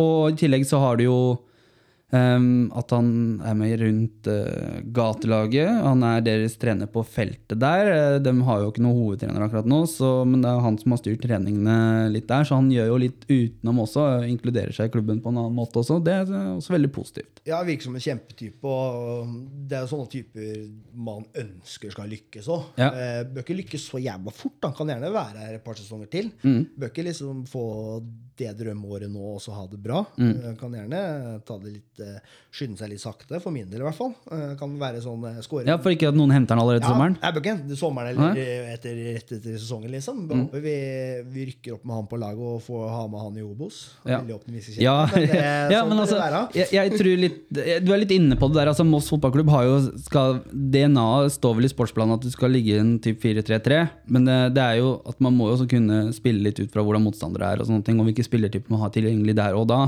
At man kanskje kan ligge med en eh, femmer bak, tre bak, eh, tre stoppere med wingbacker. Som gjør, hvis du har en skade for eksempel, da, på midtbanen som gjør at du kan heller spille med to sentrale. ikke sant? Eh, Som gjør at da, da kjører du ikke altså hele den sentrallinja di, altså de, de tre faste. Nei, jeg, kan, jeg kan se for meg at Moss kan variere litt i år òg. Det, det tror jeg også. Satt opp på tavla og spillere og roller i midtbane i midtbaneledd og litt sånne ting. Og som vi er inne på, du, eh, du spiller jo med relativt eh, smale, målkåte kanter, blant annet, som gir mye rom til bekka. Det, men som vi så Noah med litt mer sentralt Ja, for han er jo en liksom. tierspiller, egentlig. Ikke noe vanlig kantspiller, men det er jo det du sier det er smale kanter. Altså det, er, det er veldig forskjellig. Altså, formasjonen er bare formasjon, det er bare tall. Ja, ja. Altså det er hvordan spillere du har. utfører det, liksom, Ja. i forhold til hvilke spillere du har, da, de, de, de rollene. Så det, og du ser jo Bamba er jo klart tydelig oppspillspunkt. Det er Mm. jo den som skal uh, gå i duellen, gjøre mørne motstanderne. ikke sant? Og at han blir den som søker litt ball. Selv om vi så det da mot fram at kanskje Noah og Claudio søker vel mye ball. At det blir veldig trangt. Det så vi, vi slet jo litt mot et godt organisert Men da kanskje altså det eh, kommer litt, kom litt fram med det breddeholderne, da, som vi sier at det er bekkene våre som skal være breddeholdere. Ja. Eh, og når de ligger dypt, eh, og så ser du kanskje Velinder som kanskje ikke er no naturlig høyrebekk. Jeg syns ikke han gjør en dårlig kamp på høyrebekk, det gjør han ikke, men den der er typisk sånn som Willy hadde vært, eller Marius er, da. Ja, jeg trenger litt trening i å være den offensive bekken. da. Ja, ja, ja. Det kommer ikke over natta. det gjør ikke det, Nei. faktisk. Det gjør ikke det, altså. Så nei, jeg er veldig optimistisk og veldig spent på årets Mosse-utgave. Og jeg tror at vi kan være veldig positive, og det, er, det tror jeg faktisk. Og det er Ja, for- grunn til å ikke møte opp og følge med i år. Men sånn. hvis f.eks. din eldre bror, da.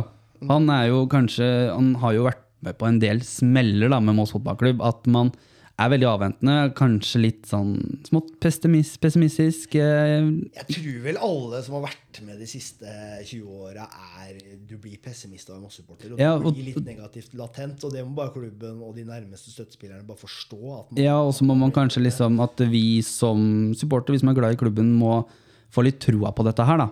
Man har jo hørt ditt og hørt datt tidligere. ikke sant? Dette har vi hørt tidligere, og alle sier at det går jævla bra, det ser jævla bra ut. Men man har hørt det gang på gang.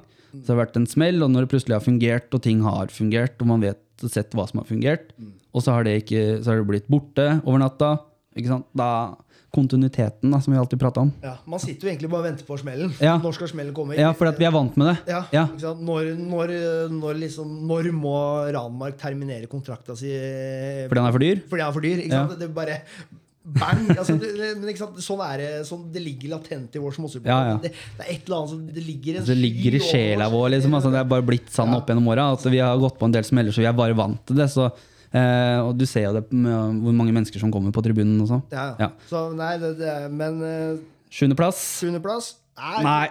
Nei, nei, nei, nei, Philip. Men, Jeg, eh, kunne, vet, jeg, jeg er enig med deg. Altså, jeg forstår sjuendeplass. Hvis alt går til helvete, så tror jeg sjuendeplass er liksom the det er kanskje bunn, bunnivået. Ja, det tror, det tror jeg også. Men jeg tror Når noen sa til meg i januar at i år skal vi komme topp fem, så jeg nei, nei, for da hadde vi seks spillere på kontrakt. Ja, ja. Og da kan du ikke begynne å si sånn, uansett hvilke planer du har, for du vet aldri hvilke spillere som ikke klarer å lande eller nei, men noen av de spillerne vi har landa, annet med Noah og Mathias Randmark, Christian Strande, ikke sant? Så klart, skårer gleden med å miste de rutinerte med Jørgen Solvang Nilsen, eh, Willy Sané.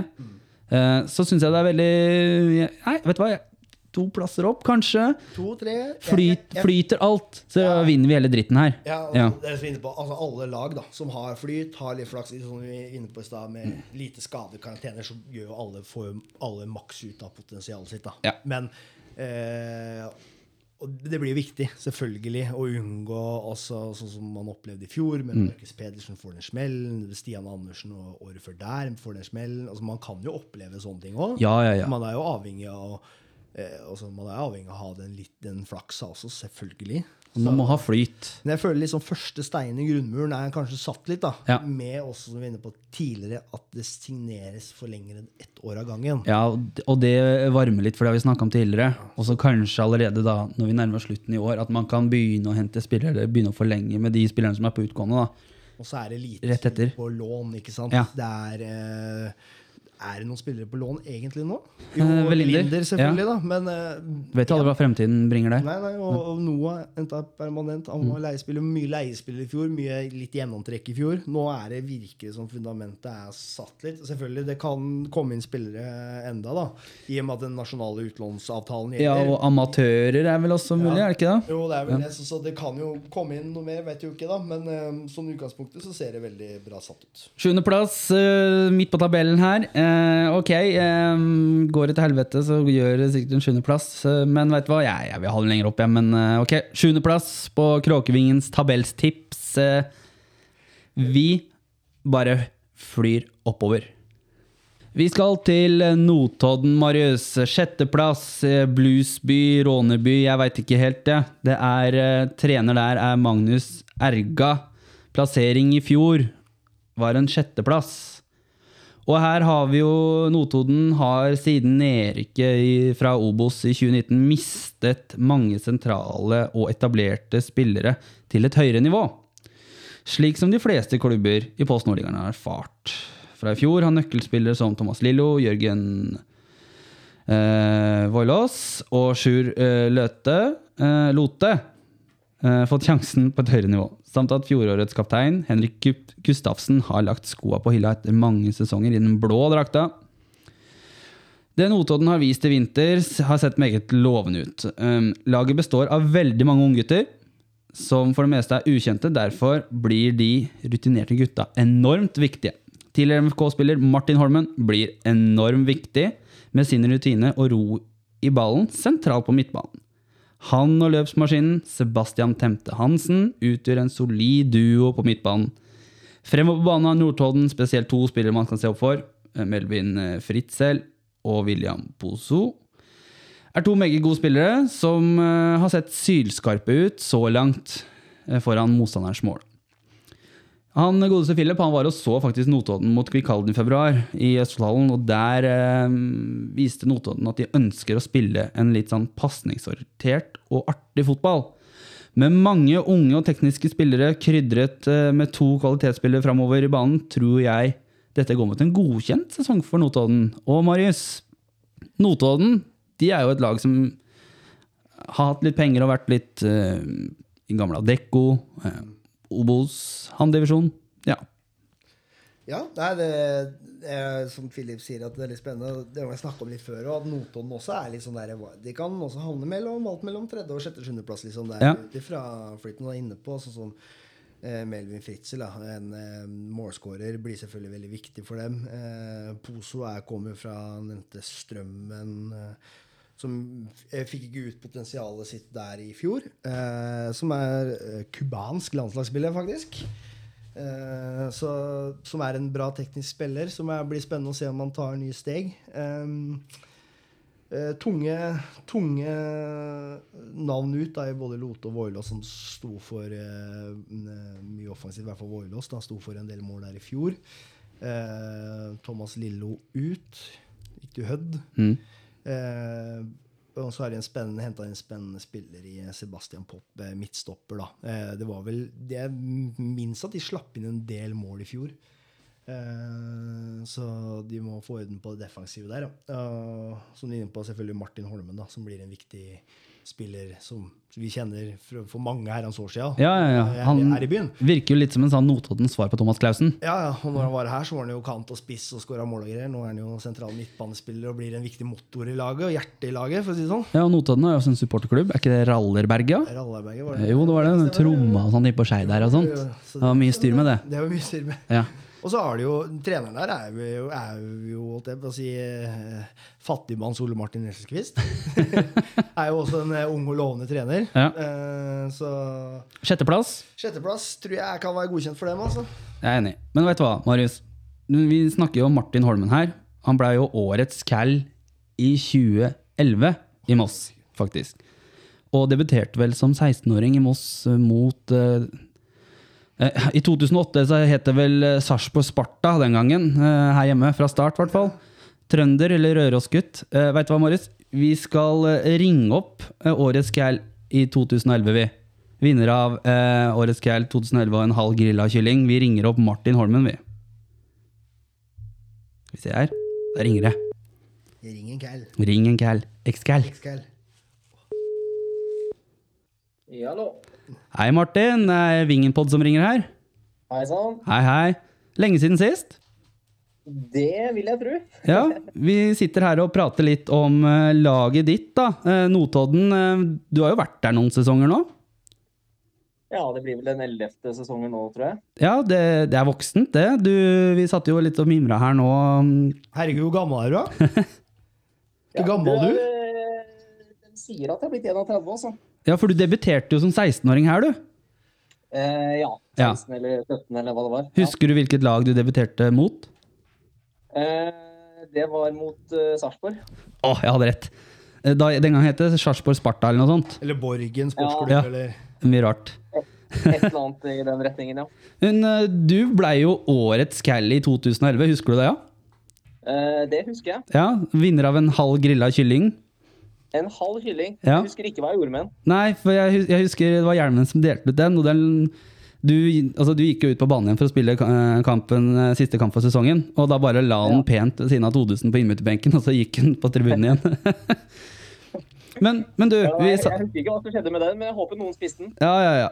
Men du, du, vi satt jo her og prata litt om at du har liksom blitt Notodens svar på Thomas Clausen. Er, det, er du enig der, eller? Eh, ja, du kan vel eh, si at det er mange likhetstrekk, ja. Ja. Kanskje. Eh, to trøndere som uh, bosatte seg litt eh, sørpå og blitt i en og samme klubb over eh, ganske lang tid. Men hvis du sier at Thomas Clausen er trønder til han, så sier han det er han ikke, for han er jo fra Vega, det er jo Nordland. Det er nordlending, Ja, han. det, han vil nok sikkert ha kommet med noe sånt. Ja, eller vegaværing, da. Da tror, jeg, da tror jeg vi treffer riktig. Ja. Men, men når du var her, så var jo du faktisk eh, eh, angrepsspiller, spiss kant. Nå har du jo fått en helt annen rolle i Notodden. Ja, jeg, jeg kom til, til Moss som, som kant, og så spilte jeg vel litt spiss òg noen år der. Eh, men jeg kom hit òg, så var første par sesongene så var jeg kant. Eh, og så var det jo Kenneth Dokken som mente at det var mer, mer fornuftig å bruke meg som indreløper. Og så eh, etter hvert som året har gått, så har jeg dette lenger og lenger bak på banen her. Så nå er det nå er det ned på defensiv midtbane, så nå er det ganske langt bak. Er du dyptliggende playmaker, eller er du Rett og slett blitt ganske dyptliggende med åra, altså.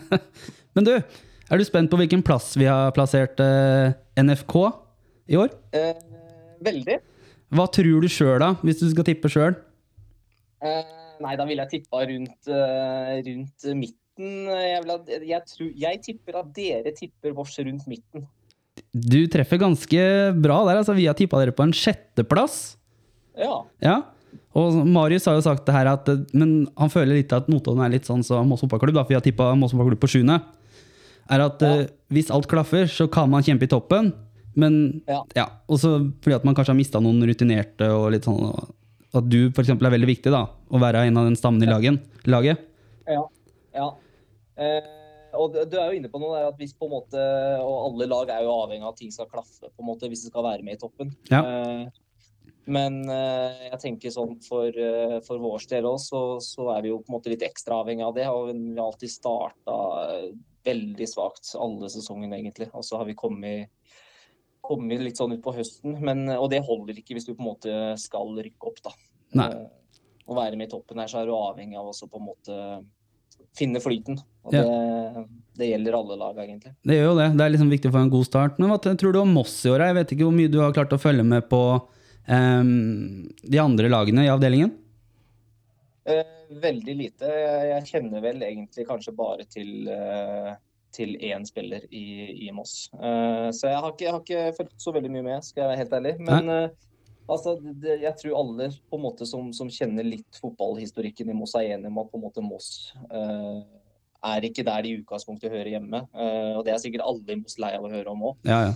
Men eh, i forhold til på en måte historikk og sånne ting, så, så er det en klubb som på en måte skal være eh, skal ligge høyere, da. Ja. Eh, så jeg, jeg håper jo hele mitt hjerte at, eh, at Moss skal på en måte klatre opp i, opp i systemet. Men om, om det kommer til å på en måte skje denne sesongen, det, det har jeg mine tvil om. Nei, jeg er for så vidt litt enig med deg der. Altså, Moss har jo en ambisjon at vi skal opp, ifølge den eh, sportsplanen sin. Så det, er jo, det ligger jo i planen til klubben at de vil jo opp på et vis, men klubben må jo være klar for det. Mm. Ja, og man har jo det, det som også alle mossinger er lei av å høre om, er dårlig økonomi. Ja. ja. Ja, ja, ja. Og med økonomi, og det, det styres selvsagt mye, men, men eh, du er inne på når du sier at på en måte ting må også ligge til rette for at en klubb skal kunne rykke opp. og Det på en måte det skal gjennomsyre hele systemet, da, fra, fra styrenivå til, til yngres avdeling, på en måte. Um, så, så det er på en måte mye som skal ligge til rette for at en, en klubb skal være klar for å, eh, å rykke opp. For å rykke opp er jo én ting, men du skal på en måte gjerne etablere deg i den divisjonen du rykker opp i òg. Og da er du avhengig av et system som funker. Helt, helt riktig. Eh, vi snakka litt om det underveis i, når vi prata om dere. Så er det jo um, Dere har jo en supporterklubb, har dere ikke det? Jo. Ralleberget, er det ikke, hvis vi har tatt helt feil her? Ja, eh, Rallaberget. Ja, ja, ja. Det ble jo litt tema med dem i fjor borte mot Skeid med tromma eller noe sånt, var det ikke det? Ja, det stemmer. Er, er det mye tromming og lite sang, eller er det begge deler? Nei, det er en god kombinasjon, det, altså. Ja. Eh, men det er klart det. Du, eh, dem, når du får de verste borteturene, så, og det stiller kanskje to, tre, fire mann, ikke sant, så, så er det vanskelig å høres når du skal synge, da. Ja, ja, ja. Eh, Så da er det på en måte har de funnet ut det og, og tatt en liten snarvei på tromma. Den er ganske kjekk når du er i fåtall, da. Da blir du hørt uansett. ja, ja. Men du, um, jeg har jo et spørsmål. Jeg har en fotballkamp jeg prøver å få flytta. Jeg. jeg skal i bryllup, og jeg er jo en av forlovera der. Ikke sant? Det har, Ikke du, sant? ehm, har dere snakka noe om det, eller? For du, han, Tim Knutsen, som er en felles bekjent av oss, han spurte om du fiksa det, og du svarer egentlig ja. Ja, du, det er, altså det bryllup, det trumfer det meste, tenker jeg. Ja, det, det, har vi, det har vi en, van, altså en rutine for her i byen. da. Altså, det er jo, Hjelmen fikk jo flytta en kamp pga. Marius som sitter her skal gifte seg, da, og hadde planlagt litt feil. Sant? Eh, og nå har jeg også ja en, en kompis og tenker at når man har for lang og tro tjeneste med at man har fulgt klubben rundt i 15 år, da, så altså, Det er jo ikke noe problem å flytte en kamp fra en lørdag til søndag. Det er jo ikke noen flyreiser eller noe sånt. Det tar vel ikke fly fra den flyplassen på Notodden til Rygge? Eh, Nei, jeg håper ikke det. Nei. Eh, og så kan du jo stille spørsmålstegn hvem er det som planlegger bryllup midt i liksom sesongen? Og det Ja, her vet- er- vet det er Det- det, det- saken her. Ja, vet du hva, det er helt enig der. Fordi at eh, det er For mange år siden så hadde jeg en Tinder-profil, og det, var sånn, det jeg skrev der, det var det at eh, hvis du skal gifte deg med meg, så er det mellom eh, desember og mars. For ellers så funker det ikke, for da er det fotballsesong. Så da er vinterbryllup er sikkert fint, det òg. Ja, ja, ja. Ja, ja, ja. Men eh, også en annen ting som jeg merker her, den dialekta di. For du hadde en annen dialekt når du var her sist. Har du lagt om helt, eller? Uh, nei, den dialekta, den, eh, den eh, forsvant i løpet av den Mosse-perioden, altså. Ja, gjorde det? Ja, fordi eh, de her de klager på at den dialekta mi ikke er som man skal. Så det, eh, det er ingen som egentlig er helt fornøyd med den. Nei. Så det er en god blanding av, eh, av Notodden og Moss og Røros og Trondheim og full, full pakke, egentlig. Så det, mm, det er mange som klager på den. Ja. Skal- Får du mye kjeft hjemme på Rørosa for dialekta di? Uh, jeg gjorde det, ja. Jeg, Ja. gjorde det. jeg hadde jo også um, Jonne som trener i Moss uh, da jeg spilte på juniorlaget. Ja. Og han holdt jo veldig godt på den røsdialekta si. Ja. Eh, og han var ikke nådig altså når han skulle bedømme da meg og min uh, uttale på ting. Der fikk jeg hørt Der fikk jeg ordentlig kjørt meg, faktisk. Ja, det er, det, Så- Thomas det er Clausen sa jo det, han òg. Thomas Clausen har jo ikke lagt om dialekta si, han heller. Han, han prater ikke helt bredt vega, men han har jo fortsatt en litt nord, nordlendingdialekta si. Nordlandske dialekta. Ja. Ja. Så, så det, er, det er litt sånn øh, Du får litt kjeft for det, altså at du ikke har riktig dialekt Ja. noe sted. Jeg gjør egentlig det også. Det er ingen som er helt fornøyd. Så er det bedre at alle er passe fornøyd, tenker jeg. Ja. Men øh, vet du hva, Martin? Eh, tusen takk for at du ville ta deg tid til oss. Bare hyggelig, bare hyggelig. Lykke til med sesongen. Eh, Likeså. Så Og håper det går veien for dere òg. Jo, takk for det. Og så mm, må du gjerne herje i alle kamper utenom mot oss. Det skal jeg prøve å få til. Greit, det. Ha det godt, da. Supert. Takk skal du ha. det. Det var Martin Holmen. det. Morten Holmen. Ja. Vet du hva? Nå er vi ferdig med Notodden. Vi må opp en plass, vi. Vi skal tilbake til Rogaland, vi, Marius. Og da er det Vard Haugesund. Og skal vi se her, trener ifølge Philip er Kolbjørn Fosen. Plassering i fjor for eh, gamleklubben til han godeste Philip Koko var en femteplass. Og Vard Haugesund har jo siden opprykket klart å liksom etablere seg på øvre halvdel da, og spilt en fin, artig fotball. Og man har jo så klart kanskje mislidd litt i vinter når man har mista nøkkelspillere. Eh, jo Staalsen, Thomas eh, Er det Kinn han heter, eller Kinn? Kinn. ja. Jasmin eh, Bogdanovic og Erling Myklebust har alle forlatt skuta. Og så har de henta inn han eh, Oi, for et navn, Marius. Maric Ranjovskij. Fra Flaure. Ja, det er sånn de prater der, ja. Eh, målvakten som i fjor eh, var med på et eh, nedrykk, blir nok en nøkkelspiller, men får en tøff oppgave og skal ta over etter Thomas Kinn. Andre nøkkelspillere er jo rutinerte ringrever som bl.a. Joakim Våge Nilsen. Solid eh, forsterkning, det, med masse erfaring og fra Eliteserien og mm, Ja, egentlig Eliteserien. Eh, og så har jo Våge Nilsen, eller som, han, som Philip sier, altså, det er kanskje ja, noe av de mest solide sammen med Valid. Solid i den div divisjonen her. Ja, ja, ja. Og så er det vel en spiller de har litt forventninger til, er um, Robert eh, Kling. Tidligere FK-spilleren um, får en viktig rolle i det offensive spillet.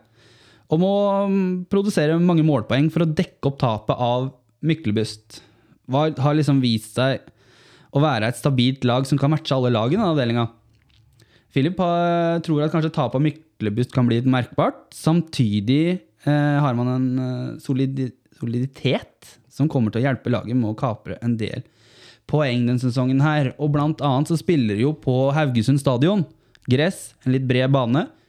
Eh, og jeg prata litt med han, vår venn Philip Koko, som spilte der i fjor, som sa at de tok jo og kunne Tok jo høsta nytte av det. Motsetning til hva Moss fotballklubb gjorde i fjor. Så gjorde i hvert fall Varg, Vard det, da. Ikke Varg, det er jo et annet klubb. Marius, Vard Haugesund. Er det en gammel, tradisjonsrik klubb? Det er jo det. Det er jo den ekte klubben på Hauge, i Haugesund, det. Er ikke det Djerv, da? Eller Jerv. Det er Jerv 19... Nei, var, var, det er den ekte klubben der. Ja. Djerv òg er mye mer ekte enn FK. Ja, Haugar, var det ikke det? Haugar, ja. Jo, jo. Jo, jo. Så nei, jeg, synes, jeg skulle gjerne bytta plass mellom dem og Moss. Moss kan ta den femteplassen, så Ja. kan Vard ta den ved sjuendeplassen. Ja. Kan vi bytte. Så, men, men Varda, er det noen supportklubb der, da? Når vi møtte i Adecco-ligaen for litt siden, så hadde vi litt ei. Men jeg husker ikke hva For litt siden var ikke det 2003? Ja. Det er 19 år siden. 19, 19, herregud. Tid var tida flyr, altså. Ja. Da ser du det. Det, det, ja, ja, det er jo, den var jo oppe i Obos for noen år siden, og, ja, og så har den vært nede. og Det er jo mye rart her. Det er jo mye rart med den klubben der. Ja, så den var jo, For noen år siden så var de kasta ut fra Haugesund stadion også, måtte spille et annet sted. Jo, det også. Men FK ble nesten kasta ut av Haugesund stadion. Så, Ja. eh, Eh, Så det har det vært mye rart der, men tydeligvis så klarer de å etablere seg. da. De har vel et godt samarbeid med FKH, da? Ja, det er jo stadig vekk spillere på lån der. Og det ser vi jo litt i år òg. Kommer jo noen gutter på lån der, der igjen. Og det er vel kanskje også litt av suksessen til at uh, Haugesund har etablert seg i Eliteserien, fordi at man man lykka jo ned det året man egentlig ønska å rykke opp med Haugesund i 2004. Uh, og så mistet man litt profiler, men klarte å komme opp igjen da i 2005. Uh, og så klarte man egentlig å etablere seg etter hvert ta et mål om å rykke opp. Du spilte cupfinale i 2007, eh, blant annet. Og så rykka de opp med den gangen det var bare to lag som rykka opp. Eller noe. Thomas Sørum og Djordjevic og Ja. Per Morten Kristiansen, blant annet. Ja, og der, eh, du ser jo Du ser jo og Der fungerer jo Det er noe litt stund siden nå, da, men blant annet de har jo henta spillere FK da, Ja. har henta spillere som på en måte ikke var gode nok eh, i tidlig alder, men er henta tilbake. Du har jo Søderlund, blant annet, som eh, ble henta opp fra Vard den gangen. Alexander Stø- Stølås. Eh, så, ja, så det, det har vært et godt samarbeid sånn sett. Om det er samarbeid, det ville kanskje ikke supporterne si, kanskje, men eh, Nei, men altså, det er jo bysamarbeid. det er bysamarbeid. Ja. Men det er ikke noe tvil om at det er jo FK Haugesund som er klubb nummer én i Haugesund. Det er ikke noe tvil om. Og, um, men Vard, da. Eh, Nå ble det mye Haugesund her, men eh, Vard, det er, eh, kjenner du veldig godt til dem? Ikke fryktelig mye, men det er som man sier at Philip sier at de etablerte seg i toppen. De har vel to år i rad nå i topplasseringer der, eller topp fem, da. Mm. Men det er klart, de har jo de har henta inn noe eh, bra, eh, men de har tunge forfall. da. Eh, Ja. Jeg vil si, som jeg er inne på med Bogdanovic til Ståle. da. Thomas Kinn tror jeg gikk til Mjøndalen. Eh, En talentfull keeper, vært talent i mange år. I Norge så er jo talent etter du er 30. Simen Brenne var jo talentet han la opp, han. Ja, ikke sant? Ja. Så du kan jo definere det sånn. Men en god keeper som de mister, da. Ja. Eh, også Erling Myklebuss, som går til eh, Åsane. Åsane. Åsane. Jo Staalesen, som går til divisjonskollega Egersund. Og ikke minst Koko, da, som går til Moss. Eh, oss, oss i Moss. Oss i Moss. Ingen er som oss i Moss. Og så er han inne på at det er jo en viktig spiller i Roy Militeig, som vi husker fra Han har vel, har vel vært i FKH nå, og så er vel Sandnes spilt mye Obos der. Eh, blir en viktig offensiv midtbanespiller for dem. Eh, Robert Kling, eh, ikke minst eh, Vågen Nilsen. Blir veldig spennende å se. De har jo henta keeperen fra Florø. Om det er et, altså, Rykka ned, men det er jo en ålreit keeper. Ja, ja, men hvis du ser uh, Anders Gundersen, ålreit keeper, gikk jo nivået opp, selv om han havna på det dårligste laget. Yep. Ja. Uh, Henta en, en eh, ubeskrevet blad, for min del i hvert fall, en polakk, eh, Adam uh, Dubosch, hvis det er riktig uttalt. Så det blir spennende å se hvordan han tar det nivået. Eh, også en litt spennende signering i HC Bonilla fra svensk fotball. Eh, spisstype. Du kan jo finne gull i Sverige òg, Ja. om han slår til eller ei. Eh, Så offensivt så ser Vard veldig spennende ut.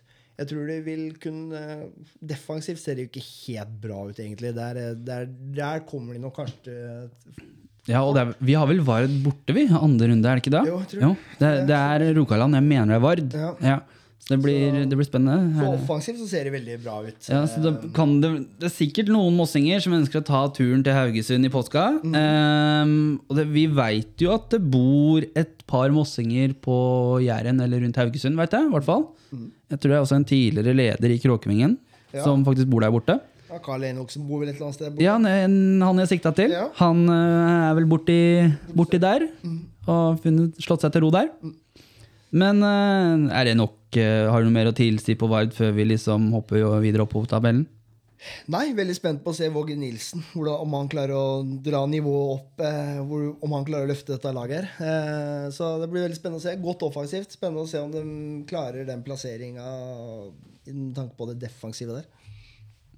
Vi hopper til eh, den siste, eller sure fjerdeplassen, da, hvis du skal si det sånn når det kommer til pallplasseringer. Da skal vi til eh, grensebyen eh, Kvikkhalden, som er kjent eh, for eh, sine stripete drakter, en litt eh, dårlig gress gressbane, allsang på grensen og Fredriksten festning. men de er plassert på fjerdeplass. Eh, De har en spennende trener i Jørgen Lacour, men han er sykmeldt på ubestemt tid, så da er det assistenten Heidar Juliusson som har fått ansvaret til å føre hans arv videre, enn så lenge. Plassering i fjor, kanskje litt underprestering i en sjuendeplass etter at Kenta forsvant til landslaget.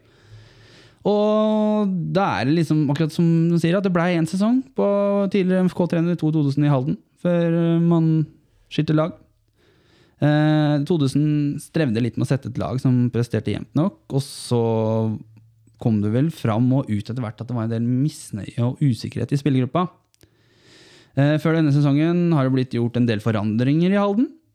Den lokale haldenseren eh, Jørgen Lacour Strand, som er hans fulle navn, ble ansatt som ny hovedtrener. En spennende eh, trenertype som ønsker å innføre en litt sånn ballbesittende spillestil. Og det er også, også en trener som jeg har skjønt at det er mange som ønsker å spille under. Eh, som jeg har hørt tidligere. På spillersiden ser det solid ut. På keeperplass har eh, Oran eh, Simsek eh, resignert for Kvikkhalden. Og så er det Alexander Karstensen som kriger om førsteplassen på, på mellom stengene i Halden. Og ja, eh, i tillegg så har de liksom eh, Sander Tulin og den talentfulle Petter Bønegård i bakhånd. Eh, jeg kjenner ikke så godt til de, men i Forsvaret så har de gjort store forandringer fra i fjor. En trebekslinje som har blitt erstattet med en klassisk backfirer. Jakob eh, Madsen Lund og Ole Strømsborg har valgt å trappe ned. Eh, noe som har, gjør at Daniel Hulkvist har blitt hentet fra svenske Guys. Svenskene har eh, sett bra ut eh, i oppkjøringen og vil danne et godt stoppepar sammen med kaptein. Og en av de kanskje mest kjente breddestopperne gjennom siste, de siste ti åra, Dardan Sæter med. Bak disse to kjemper talentene Emir Komor og nykommer Leo Olsen på stoppeplass. Bekkplass har man A- Adi Markovic og Anwar Elionussi som har blitt hentet. Det er to offensive, gode backer som bidrar mye framover. Markus Moberg, som var med å rykke opp med sprint Jeløy i fjor, er tilbake i Halden, blant annet. eh, Og har blitt drilla mye på bekk i vinter, og må kjempe med, kanskje med Elionussi om den høyre backplassen. Sentralt på midtbanen har haldenserne eh, en meget god trio. Filip Johansen Westgård har sett bra ut i rollen som anker i vinter, sammen med Mathias Engebretsen. Denny Hass... Ah, Dan, her må du hjelpe meg, Marius. Dette her er Deni Hasanagic. Ja, takk for den. Og kommer til å bli en veldig, meget god miks. Alexander Solakis her er også blitt hentet fra Fredrikstad. En spennende unggutt med et godt venstrebein. Samtidig så har man eh, mye spennende unggutter i bakhånd. Både Nikolai Kinningsrud, Markus eh, Mani Marius, kom igjen! Dette her er ditt felt. Pass på den. De har Markus og han eh, godeste Oliver Thomassen som gode alternativer i midtbaneleddet. I angrep, da, så er det en del spillere med X-faktor. Albert eh, Makiadi ble hentet og flyttet fram banen i tidligere oppkjøringen. Eh, den lekende franskmannen er en klassespiller eh, som vil bli meget god i år igjen. På motsatt kant så har du Uranix Feri, som har blitt lånt ut fra Lillestrøm. Eh, Den unge haldenseren fikk lite spilt i Båråsen. eh, Og han for godeste Philip han tror at eh, dette kan bli hans store gjennombruddssesong. Og så får vi se, da. Erik Vestby og Erikas Adukonis, som han så fint heter, kan også bekle kantrollene. Noe som gjør at Kvikk har god bredde i denne posisjonen. På spissplass finner vi ehm, årets toppskårer i MFK i 2016, Fabian Stensrud Næss. Øystein Lundblad Nesheim. Det er to karer da, som har begge potensial til å skåre 15 mål pluss hver, hvis de holder seg unna eh, skader. da, og Blant annet eh, Fabian Stensrud Næss har jo vært veldig mye ute med skader de siste årene. Så Fabian Stensrudnes, hvis du ønsker å holde deg på toppform, begynn med litt eh, skadeforebyggende. Og ta det litt seriøst, så går det kanskje greit. Eh, men eh, har disse her sesongen, så kan det faktisk bli veldig bra for Halden eh, og gutta der nede. Eh, Stallen ser solid ut, samtidig som nykommerne har sett gode ut i vinter. I tillegg så tror jeg liksom at eh, spillestilen til Lacour og han islendingen vil passe liksom flere av de offensive spillerne meget godt. Men vi får se da hvordan det fungerer når han islendingen Juliusson skal ta ansvaret i Lacours skadefravær. Det er jo kanskje en litt usikker moment. Jeg vet ikke, Marius. Også hjemmebanen Halden stadion, er den godkjent? Jeg har ikke hørt noe annet nå, så det burde vel kommet ut nå rett før seriestart. Så den er sikkert godkjent, da. Ja. Så det er eh, Så vi Det var en lang gjennomgang her. Lang gjennomgang. Med litt og- mye navn og sånt. Alle veit jo mine leseferdigheter, så da blir det for å bli som det blir. Og når vi i Moss kan være optimistiske, så tror jeg også haldenserne kan få lov til å være optimistiske, fordi jeg Kvikk vil jeg si kanskje er en liten utfordrer Dark Horse oppi toppen der. Det ser, på, topp to, liksom. På topp to. Det ser veldig bra ut, altså. Og, og Lacour blir jo sykemeldt. eh, Det er jo Han var jo ikke så lenge der, men han har rekke på en måte å prege en del. Så har han jo vært i klubben en stund nå, da. Ja, det har vært litt sånn ut og inn der, og har vært, eh, som sier, vært der en stund. Var Assistent, har han ikke vært det? Jo, jo, jo. Som har vært spillerutvikler og Ja, ikke sant. Så de har i DNA, de som kommer opp der. Ja da, Ja. og han har rekke og satt sitt preg på det. Og Julius, Julius Juliusson Yes. er jo også litt De er litt forskjellige typer, kanskje litt mer direkte. Så det, det blir en god miks. Det ser ut som det, eh, de, er, de set, klarer å sette sitt preg på det, begge trenere. Ja. Eh, også så si, veldig god stall. Mm. Eh, god bredde i stallen. Mye spennende spillere der. eh, Har en del kontinuitet, da, som vi er inne på med, med Dardan, eh, Hasinagic, eh, eh, Engebretsen, Lundblad Nesheim. Som står står for kontinuiteten da, Mm. i stallen. En spennende back-signeringer både i Markovic. Ja. Eh, veldig bra venstreback. Eh, nå er vel han skada, så jeg er usikker på hvor lenge eventuelt han er ute. Eh, jeg mente jeg leste at han var ute Uh, litt. Rann. Uh, Elionussi har vært, så jeg sett på bekken der. Virker som en spennende Han er vel mer egentlig angrepsspiller. Uh, ja, han blei vel flytta ned når han kom opp på Sarpsborg 08 på A-laget. Så var det ikke bekk han ble satt satt han på. var jo også det fram òg, Ja. når han var på utlandet en tur. Eh, det blir spennende å se han der. Mm. Eh, Hultqvist ser lovende ut. Var litt spent på han, i og med at man har jo ikke noe særlig referanser når man henter fra over grensa der. på det nivået. Eh, men han ser veldig bra ut. Eh, Seferi var jo knallbra for to Fikk jo gjennombrudd for to år siden i, i Kvikk, og, yep. Og herja. Og har sikkert blitt enda bedre, så det er fryktelig spennende. Og så veit vi jo hva Ness i form og skadefri kan, eh, kan få til. Og, så nei, Kvikk ser, ser, ser veldig spennende ut, faktisk. Ja, det, det, det ser ut som et lag som kan være med å regne med. De hadde en litt dårlig sesong i fjor. Det hadde jo, det er Ja. som inne på med sant? Bergersen hadde Skader, og- blant annet. Ja, ja. Og Bergersen i noen år der hadde drilla inn 3-5-2. Ja. Så blir det litt køle med at uh, Todesen kom inn med 4-4-2. Ja, Gjorde om underveis, tre bak. Litt 4-4-2. sånn, Ja, usikkerhet. Det var jo litt uh, dårlig stemning, skjønte vi. Ja, Eh, og så, som du sier, at, men vi kaller den, da, som vi prata om blant vårt eget lag, da. Mm. Hvis ting liksom er at det ikke fungerer med skader og sånt. Mm. Du så jo Kvikk Halden i fjor, som var med var et lag som egentlig var uh, tippa blant annet topp tre, eller noe sånt, var det ikke det? Og så har du jo ikke minst han franskmannen Albert Macchiadi, da. Ja. Som utgangspunktet er en knallbra back, offensiv god back, men nå har de henta inn Adi Markovic, Mm. som gjør at du faktisk kan bruke eh, Macchiadi som kant enda bedre. Altså det, Ja. så en eh, solid eh, venstreside. Han er vel kanskje innoverkant på høyre. Litt usikker. Ja. Men, eh, men det er en solid spiller, så du får en, så Kvikk får en ny omtrent en ny forsterkning i det offensive spillet da, med han som allerede har vært der, vært der noen år. da. Så blir det spennende å se på keeperplassen. Alexander Karstensen fra Fregstad spilt det er jo varma benken for Jensen. Har jo ikke hatt sjanse til å slå ut han. Selvfølgelig. Spilt masse anlagsfotball der. Eh, og så henta tilbake han eh, Simsek. Simsek, som vi husker i lyntida. Som vi Ja, ja. sist. Vanens beste, egentlig, Ja. men eh, en lokal jury gjorde om den. Gjorde om. Ja, ja, ja. Eh, men hadde jo en god sesong i Kvikk i fjor. Så de har fått en eh, bra keeperduo. Eh, så Så hadde de noen unge, unge lovende bak der også. Ja, for det er klart eh, han, Emir Komor har jo, har jo et potensial i seg, han. Altså. Så Mm. hvis han eh, må trå til, så, så blir det spennende å se om han tar det nivået. Så det er klart, eh, igjen da, så avhengig av at folk holder seg skadefri og alt det der da du Og så kan de kanskje dra en fordel at hvis de skal spille på Halden stadion Jeg vet ikke om du har gjort noe der. At du hadde den kummen midtpå der. Jeg synes det er rart Jeg må jo si at jeg synes det er rart hvis den får godkjent den år på år, da, når den liksom ikke blir godkjent, men blir godkjent, da, hvis man ikke gjør noe med det. Ja, så det, Ja. det må jo være, si, må være godkjent nå. Hvis ikke så hadde vi hørt noe, vel. Så Ja, ja, jeg vil jo si det. Altså, det er jo Christian som regel pleier å ha peiling og kontroll på dette her. Ja. Men jeg har ikke hørt noe fra han. Eh, Men han er veldig opptatt av at den kan vel ikke være godkjent, men han har jo ikke akkurat eh, gjort noe jobb for å finne ut om det har vært godkjent eller ei. Det har vært hans oppgave. Så vi satser på at den er godkjent. Ja, ja, vi får satse på det, og så kom kommer også Christian sterke tilbake der. Ja. Ja. Men uh, Kvikkhalden da, de serieåpner borte mot Moss her på Meløy stadion.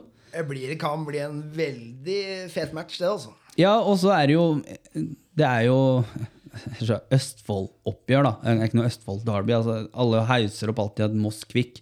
Det har, liksom, det har aldri vært noen sånn der, mm, veldig sånn gnisninger egentlig der. At det har vært en sånn gulrot for mossinger, har det ikke vel ikke egentlig vært. Nei, det har vel aldri tent noe, det. Nei, og, og det er litt deilig å ikke ha Kvikk Halden annethvert år 16. mai borte og hjemme. Altså, for det, når du ikke klarer å bygge det opp som et uh, offentlig oppgjør på 16. mai, så kan man bare egentlig drite i det. liksom. Da er det heller bedre å ha de serieåpningene da, som vi hadde for ti år siden her. Ja. Hva, hvordan endte det da, Marius? Ble ikke knust da? Tapte 4-1. Da var det 2500 på tribunen her. Så håper det snur. Ja, Vi satser på det snur. For Moss, vel å merke. Vel å merke. Ja. Eh, fjerdeplass, Kvikk Halden. Marius, noen mer innvendinger? Nei, det tror jeg blir fjerdeplass oppover, ja. De kan være optimistiske der òg. Vi er nå på vei over de sju fjell, og da skal vi på tredjeplass. Der finner vi Øygarden. Hovedtrener er Tommy Knarvik. Han har jo vært utenlandsproff, han, og spilt fotball i både Sogndal og Brann. Er det ikke det? Jo, stemmer. Yes, var vel en av de mest lovende spillerne i sin tid også. Ehm, Junior i Leeds, vel. ja, det var det. Kjempetalent på enkelte sånne CM- og FM-spill Ja. også. Eh, og fikk vel Han var vel en, i Bodø-Glimt. Han gjorde en god suksess, var det ikke der, da? Han jo hadde Nei, eller var det Tromsø? Ja, Bodø, vel? Vet du hva? Han. Vet hva? Usikkert, Ja, ja, vet hva? er- jeg- jeg- Nei, vet du hva? Eh, Tommy Knarvik, Brann og Sogndal, ikke det? I hvert fall. Ja, ja, vi stopper der. Plassering i fjor, eh, 2021, en syvendeplass. Men han godeste Philip har flytta dem opp han, til tredjeplass. Den sure tredjeplassen blir det nå, da. For det er jo ikke noe kvalikspill eller opprykksplass der. Eh, Etter nedrykket i 2020 ble 2021-sesongen en sånn mellomsesong for eh, laget fra Bergen. Ikke sant? Det er jo en del lånespillere som er ferdig i klubben, samtidig som stammen i laget er den samme fra i fjor. I tillegg har de forsterket laget med kvalitetsspillere. På keeperplassen er Borger Thomas eh, klar førstekeeper. Eh, og han heter vel egentlig Borger Thomas, er det ikke det? Borger Thomas. Yes, er det canadier, er han her? Ja, jeg tror jeg. Ja, kanadisk. Han har også vært innom landslaget som har kvalifisert seg til VM for første gang siden 1986. Eh, en solid eh, spiller på dette nivået. I forsvar har du Dennis Hornland, som har blitt hentet fra Djerv 1919. Der har vi det, vet du, Marius. Sønnen til branntrener Eirik Horneland. Er liksom en storvokst, spennende midtstopper med stort potensial. En annen ny, nysingse- ny, ny, nysignering her kommer til å heve dette laget, er høyrebekken Marcel. Og grunnen til at jeg begynte å le her, for det, navnet der, det tar ikke jeg, Marius. Nei, det ser ut som en sånn eh, synstavle hos legen. Ja, altså, han heter Marcel. Han, eh, og Marcel har i, i lang tid vært en av ligaens beste forsvarsspillere. Men en skade har holdt han tilbake fra spillet langt inn. Nå er han tilbake i slag og blir meget viktig for Øygarden i år. Midtbanen har du Joakim Edvardsen blant annet, som med sin rutine og klok klokskap, er det det han prøver å skrive her? Eh, Og også nykommer William Moan Michaelsen er en solid spiller på dette nivået som vil forsterke den lagdelen. På topp av Øygarden gjort etter Philips mening, da. Gjort et skikkelig scoop med å hente Alexander Dang fra Egersund.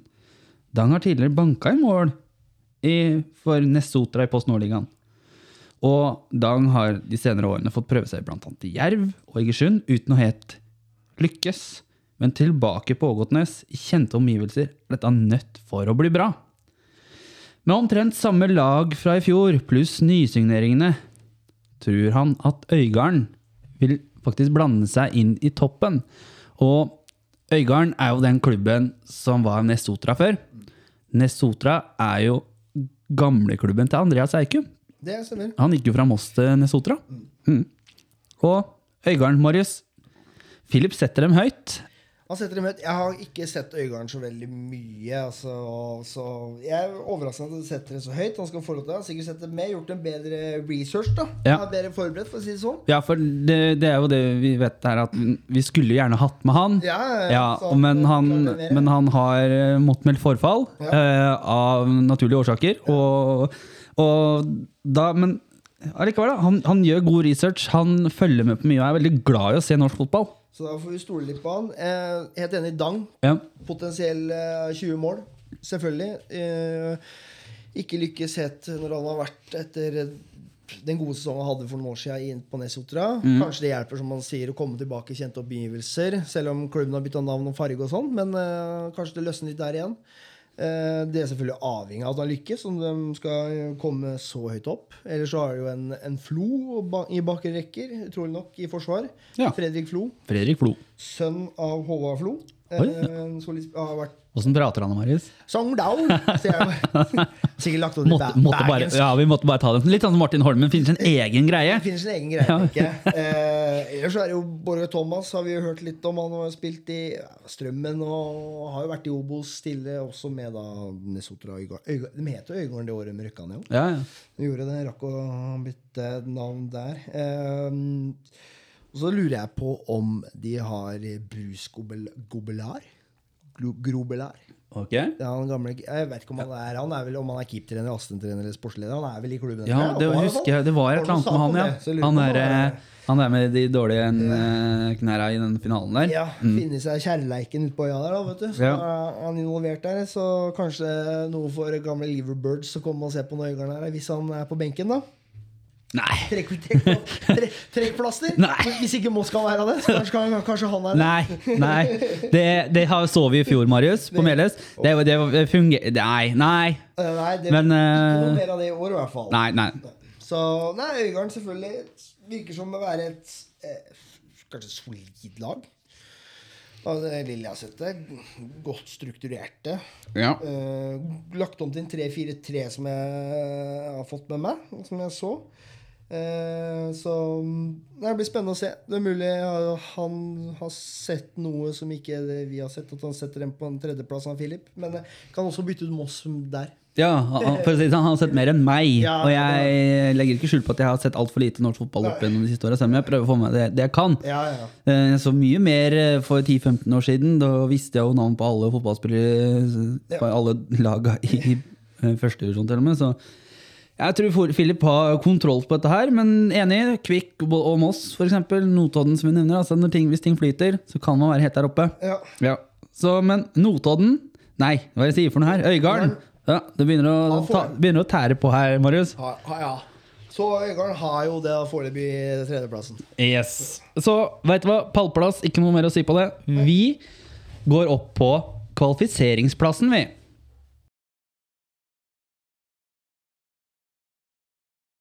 Vi beveger oss opp på kvalifiseringsplassen. Andreplassen Egersunds idrettsklubb, hvis jeg ikke har helt feil. Den derre Egersunds. Den Trives med S, men Ja. uttales Egersund. Jepp. Det er ingen som sier Egersunds. Ingen som sier Egersunds, jeg vet om noen, men det er feil. Akkurat ja. som det er ingen som sier Ålesunds. Nei. Det må også skrives som en S på slutten der. Ja, Og så er skriver de også med to a-er, så det er ikke Alesunds. Nei, Nei, ikke sant? yes. Det er gamle, det er vel skriftmåten. Det kan være. Eh, De spiller i svarte og gule drakter, eh, sånn stripete. Så positivt at Moss fotballklubb har hvite drakter i år. eh, Hvite bortedrakter, eh, sånn at man slipper å spille som i 2019. Bortedraktene fra 2012. Men når du har Select og spiller med Umbro, så er ikke akkurat det populært. Men greit nok. eh, eh, Hovedtrener er han godeste. Han har jo vært der en stund nå. Ojan? Bian, ja. Tredjeplass i fjor. Choka litt på slutten her. Jeg, Gjøre det. det, det er litt sånn Tidenes chokelag, er det ikke det? Oi, nå var det kanskje litt voldsomt i mikrofonen her, men eh, ja, det er jo det. Altså, de tryner alltid på slutten her.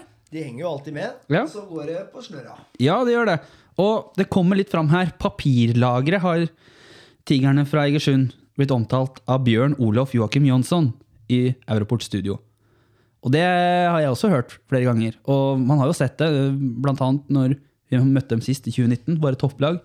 Tapte mot oss der nede 1-0. Og her sånn fikk de jo kjempedeng og tapte 6-2, eller hva det er for noe. Så det er jo litt sånn eh, Koko. Mye på grunn av ressursene klubben har hatt i de siste årene.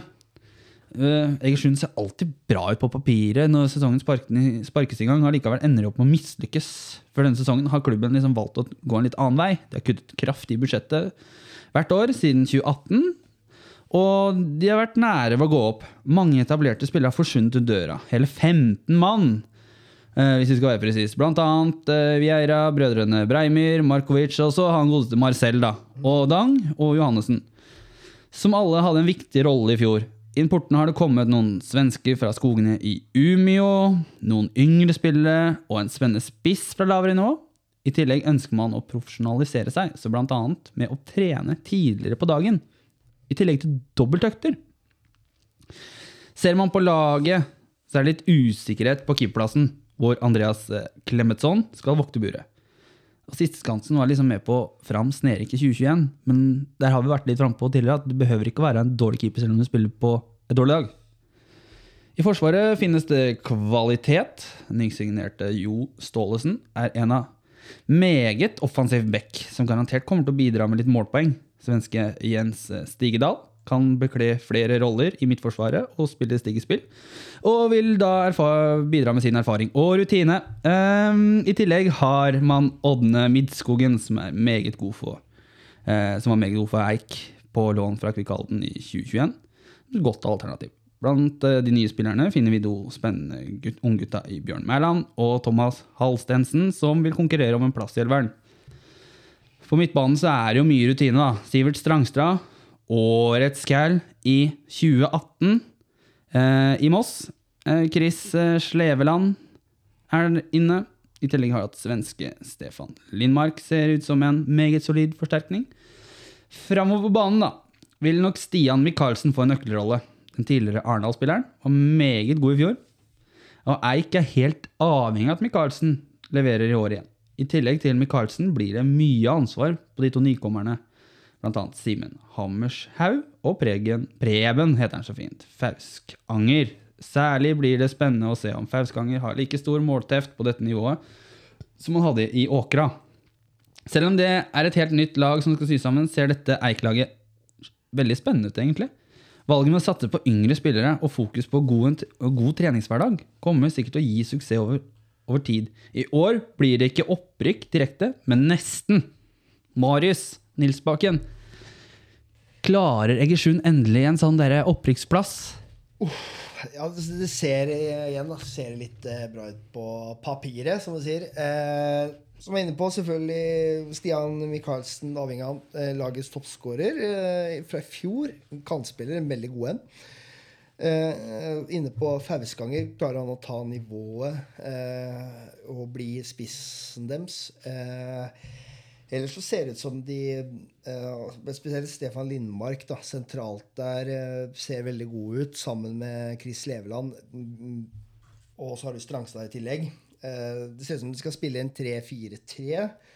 Så det vil si de Hvem av de sentrale skal Hvem skal spille? Er det, blir det Lindmark Sleveland eller Sleveland eh, eh, Strangstad? Eh, og vi snakka om Odd to i stad. Ja. Eh, to av dem har jo gått eh, til nevnte Egersund nå. da. Bjørn Mæland, forspiller, ser veldig bra ut. eh, Og Halstensen. Eh, ellers en god, en, god midtstopper i Matti Dekovic. Eh, selv om Henrik Breimyr, fjorårets kaptein, blir tungt savn. Så Nei, jeg er litt sånn, litt sånn usikker. Jeg føler at de har vært klarere favoritter tidligere. Eh, men selvfølgelig en del spennende spillere der. Og ja, nei, det blir spennende å se dem. Også, om de er eh, Ja, det, det blir jo topplag. Det, det tror jeg jo selvfølgelig. Og så spiller de på gress, blant annet. Gress, Det gjør du. Eh, aggressivt lag, humørlag. Mm. Ja, for det, det har jo alltid vært, og det var litt av det som kanskje også var litt greia som ble brukt mot dem den gangen vi den gangen vi slo dem her. Ja. At litt av greia at du er humørlag, altså det er mange som er der for penga. Ja. Ja. Veldig, har veldig godt grunnspill. Mm. Eh, gode mot lag som legger seg lavt og ligger etablert. Så det har de vært gode, gode mot etablerte lag. Så Mm. det er ikke noe Så lag som besøker dem eller spiller mot dem, bør ikke legge seg lavt, i hvert fall, for de er gode på det. Ja, og så ser du de har henta litt annerledes enn hva de har gjort tidligere. da. Det har de gjort. Og det husker jeg tidligere FK-trener Marjovic fortalte meg. Han hadde hatt møte med han eh, Egersund-treneren før 2019-sesongen.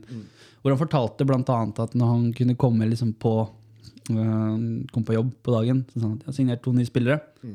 Ok, ja, sjekka dem på YouTube. ikke sant? Henta dem, signert dem. Ja. Ok, Det er sånn det har vært. Altså, her kan du få spillere ja, Så derfor er det litt så spennende med de svenske de har henta, ja, At man henter, tenker, litt, tenker litt langsiktig. At kanskje at måten å få suksess på er å faktisk bygge litt eh, kultur og kontinuitet. Altså dette her med å trene på hverdagen og sånt. Ja, for det, det er vel det jeg har sett eh, på sosiale medier. Så er det vel to lag som har vært på treningsleir utenlands, tror jeg. Det er jo bl.a. Egersund og Arendal. Ja. Eh, Det er jo de, sikkert noen av de mest økonomisk eh, best drevne Ressurssterke, i hvert fall. Ja. Så det er klart det blir spennende å se disse, om man treffer på disse svenskene. De er avhengig av det, å treffe der. Mm. Mikkelsen fortsetter eh, eh, sin gode offensive form, og at uh, de treffer enten på Hammershaug eller en Fauskanger. At det kan bli mål, målskårerne der, da. Hammers, Hammerskau, han er vel Hammershaug. eh, Ja, det var han som i, fra Godset. Han hadde jeg vel på min ønskeliste, tror jeg, Ja, ja, så han er jo en bra, bra angrepsspiller, han Ja. også. Så er vel uh, Fauskanger som blir sett for seg som kanskje skal være goalgetteren hvis han tar uh, nivå. Så det er litt kult at de henter også fra lavere nivåer der, da. Ja. Men vi har jo Sivert Strangstad. En eh, spenn, altså, god spiller. Tok jo egentlig hele Moss med storm. Altså Post Nordligaen med storm. Den gangen han var her. Jeg husker Ole Martin Leskvist fortalte det eh, på slutten av denne sesongen. Der at eh, hvis de Altså, de kunne mista han til Fredrikstad midtveis i denne sesongen der fordi han var på amatørkontrakt. Så han kunne bare hente den hvis det var at Fredrikstad solgte en spiller eller mista en spiller, så hadde de bare henta han uten å blunke. Og Moss kunne ikke gjort noe, fordi de hadde ikke noe rettigheter på han. Og Sivert hadde nok kanskje gått også. Men en eh, fin spillertype, det der. Ja, altså knallspiller i Moss og var viktig når han dro videre til Asker og spilte mye der i fjor. Men de treningsmatchene jeg har sett nå, så har ikke Strangstad Han har vært innbytter i begge de matchene jeg har sett dem spille. da, og Det, det har kanskje vært mest utfordringa rundt et sånt type tabelltips her. Det er ikke mange kampene som vises på media. Men eh, Nettopp. faktisk eh, Rogaland, eh, Rogalands Avis, Sandnesposten og alle disse avisene har vært veldig flinke med sine lokallag. Også Kvikk Har ha- ha- Halden Arbeiderblad har vært flinke. Så, det, dem. så jeg har omtrent sett mer, mer stål enn jeg har sett Moss i år. Ja, og, men det ligger kanskje litt i hva som skjer rundt i Rogaland, der, spesielt rundt Viking. Eh, og det går jo egentlig bare nedover, da. At, eh, eh, at når Ja, selvfølgelig. altså, topp, altså, toppklubben gjør det bra, så faller det jo ned. altså Det drysser ned, og de drysser ned på riktig måte. ikke sant? Ja. Da ser du at interessen øker for de lokale. altså Viking har jo vært flink at det starta i bredden, ikke sant? og så bygd opp eh, disse her um, breddeklubbene rundt omkring. og ja, Egentlig hele greia der. Men vi, apropos Sivert, han er jo faktisk østfolding. Det er noe. Mysengutt, vel? Ja, Eidsberg. Eidsberg. Ja, det, Mysen ligger jo i Eidsberg. Jeg, jeg husker da jeg var liten, jeg, så, så sa alltid folk at Mysen er by. Og så husker jeg bare, men Mysen ligger jo i Eidsberg. Åssen går det an, da? Det er noe rart, da.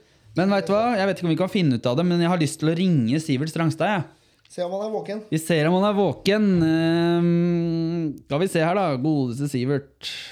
Hva er vi i gang her?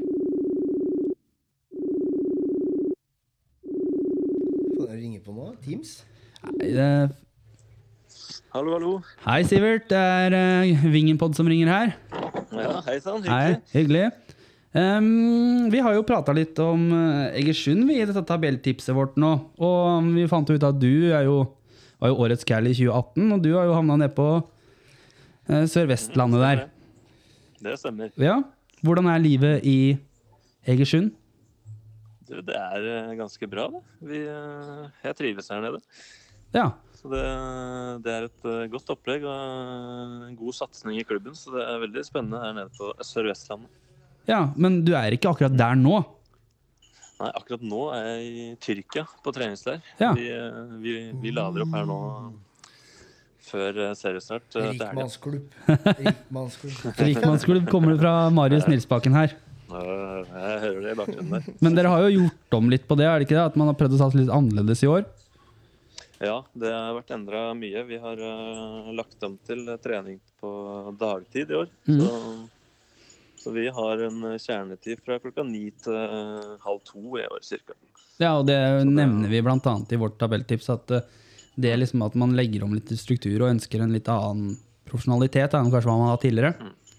Ja, det er korrekt. Så Man Ja. skal profesjonalisere ting og, og øke satsinga enda, enda mer. Jeg vet, vet ikke om du husker det, når du var her. Så du ble jo kåra til Årets Cal. Du spilte jo ikke den siste kampen for sesongen, men det ble jo låst, lest opp en tekst. Jeg husker at du bare Ja, det stemmer. Og jeg har jo teksten foran meg her. Og da Ja, Jeg tenker bare at uh, jeg skal lese den opp. ja gjør det. Ja. Sivert er fra Eidsberg i Indre, og vi var spent på hva han ville vise denne sesongen. Og prestasjonene hans overgikk våre forventninger, og han har tatt Moss med storm gjennom sin spillestil og dedikasjon til 1000. Sivert er en inkluderende cal som åpner dørene på sin lånte varebil som medspiller som trenger plass å sove for natten. Sivert har tatt store steg og er en cal vi gjerne vil se på Meløs neste år. Da blei det jo ikke noe neste år der, da, men eh, jeg husker når jeg sto der og leverte den der blomsten til deg, og du bare Faen, det stemmer det der med den bilen. Ja, det, det stemmer, det. Kan ikke du fortelle litt rundt den historien der? Nei, det var vel bare en, eh, en god kveld da, som eh, endte i at vi måtte ha en soveplass. Og Ja. da, Hvem var denne, hvem var denne her eh, som du hjalp å finne en soveplass til? Nei, hva var det Andreas Helvestad? Jeg har hørt, hørt noen rykter om det, jeg også. Og det var jo etter en fukt, er fuktig eh, bytur med A-laget. Ja, det, det var en, eh, en hyggelig kveld, husker jeg. Så det, det var artig, det. Ja.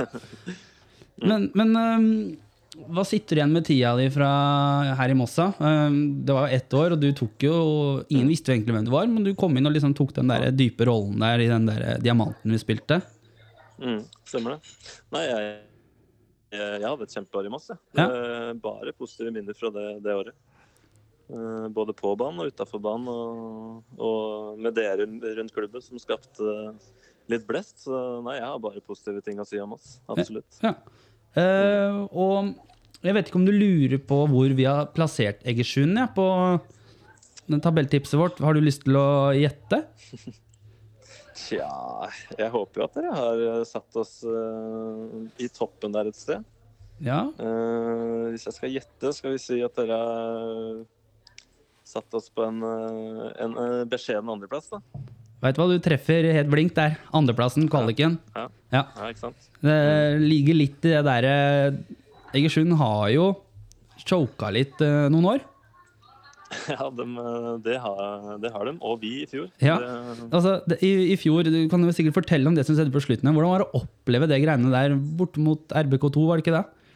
jo, stemmer det. Nei, det, når jeg begynner å tenke på det, så er det, da blir jeg bare irritert. Ja. Eh, Vi, eh, ja, vi dro opp til Rosenborg 2 i tredje siste runde. Og med seier så hadde vi jo leda med to runder igjen. Ja. Men eh, vi valgte da å tape 6-3 der oppe. Eh, Så det er egentlig Ja, det var helt krise, rett og slett. Så det var jo snakk om en sånn spesiell formasjon òg, stemmer det? Nei, ja, det var noen rykter om noe Eller det sto vel noe 2-7-1 eller noe, gjorde det ikke det? Eh, Jo, jeg hørte noen rykter om det, eller er det bare feil med tanke på at spillere ja, er satt inn feil i datasystemet og sånt? Ja, det tror jeg bare er feil. Det var, nok, det var en 4-2-3-1. Men det var jo det var jo offensive backer, så det kan stemme at de bare sto igjen med to, Ja, to stoppere. det er jo ikke, ikke bare bare det hvis det... man ikke jobber hjem. Nei, det var jo det som viste seg. da. Vi slapp inn seks mål, så det vitner om noe som ikke er gærent her, ja. Ja. Ja. Men eh, eh, Egersund i år det tippes på en andreplass. Eh, Mm. Dere har vel kanskje ambisjoner om å gå opp, er det ikke det? det er, målet er å rykke opp i år, er det ikke det? Vi har ambisjoner om å komme så høyt som mulig. Ja. Mm. Men hva, hva tenk, tenker du om f.eks. for eksempel den gamle klubben Moss? Eh, em, hva, har du sett noe mer? Altså, hva vet du om de andre klubbene, sånn f.eks. Moss? da? Hva tror du om Moss? Mm. Nei, jeg, jeg følger jo mye med på Moss, og jeg, jeg hører jo på Kråkevingen pod nesten hver, hver gang dere legger ut det. Så Uh. jeg er ganske oppdatert. Jeg har fått med at det har vært en god, god oppkjøring, og med en liten smell nå i dag. Ja, det, det stemmer. Det stemmer, det stemmer mm. veldig godt. Så, ja. Men jeg har troa på at uh, dere kan eh, krype dere litt opp på tabellen, og kanskje midten, og Jeg tror, kanskje litt oppover. hvor, tror du vi har, fjor, i hvert fall. ja, hvor tror du vi har plassert oss sjøl, da? Jeg tipper jeg har plassert dere på en, ja, rett en sjuendeplass. Ja, fy fader, nå treffer du blink igjen. Fy fader, Hva sier du om det, Marius? Ja, bare spille lotto, tenker jeg. ja. Euro-jackpoten, vet du. Ja, men eh, det, vi har faktisk spilt poker her i kveld, og jeg kan si det at det har gått bra. Så Ja. det er den kvelden for meg. Tviler jeg ikke Ja. sekund på. Nei, nå, ja, du, nå, nå scorer du bra her, liksom. Det er, Ja. men du er jo østfolding, er du ikke det? Jo, stemmer det. Mysengutt. Ja, Eidsberg kommune var, Ja. ja, Når jeg var liten, sånn fem-seks år, så fikk jeg høre at Mysen var by. Men ligger ikke det i Eidsberg kommune? Kan, kan du svare på det greiene der sånn? Ja, det kan, det kan jeg svare på. Mysen eh, har bystatus siden 1997. Ja. Eh, men det, nå ligger det i Indre Østfold kommune. Ja, ja. Eh, men gam, gamle Eidsberg kommune. Ja, det stemmer det. Ja. Så Mysen hadde bystatus med i. Eidsberg kommune? Ja, det stemmer. Helt korrekt. Ja, ja. Men nå er det indre, Mm. indre, indre kommune, er det ikke? Indre Østfold eller indre Ja. In, Ja, Indre ja. Østfold. ja. ja, ja. Hurrahølet, var det ikke den hoppa på at det skulle bli? Jo, det kan stemme, det. Ja. Nei, men uh, Sivert, uh, hva er dine ambisjoner? Personlige ambisjoner? Og Marius sier at han har sett uh, de, på lagoppstillingen og sånt, de siste treningskampene sitt på benken. Mm. Mm. Ja, nei, Mine ambisjoner har jo som alltid vært å, å krype meg oppover i systemet. Nå har jeg mislykkes med det. Jeg har nesten rykka opp nå tre år på rad. Ja. Så det er det jeg jobber for. Og ja, jeg har eh, slitt med en skade nå i starten av oppkjøringa, så jeg har kommet litt skeivt ut i år. Eh, Så akkurat nå så må jeg krige meg inn i elveren igjen. Ja. Så, så sånn er det noen ganger. Men du sier jo også at uh, du hører på oss. Det syns jeg var litt gøy. Det, Mm. det, det varmer litt, gjør det ikke det, Marius? At man faktisk mm. lytter til oss. Absolutt. Ja. Ja. Uh, er det mange andre podkaster, supporterpodkaster på det nivået her? For at eh, jeg og Mari snakka om litt før vi gikk bare at vi har kanskje slitt med å finne noen. Jeg vet ikke, du som kanskje da hører på litt, eh, virker det som, da. Har du, har du noen å anbefale? Nei, på det nivået her er det ikke mange andre jeg hører på. Jeg, jeg hører på dere for jeg syns dere er morsomme, og det er Moss er gamleklubben. Jeg, som sagt, jeg hadde det jo kult i Moss og liker å følge med. Det er bra. Så, men utenom det er det ikke mange jeg kommer på. Altså. Nei. Nei. Nei.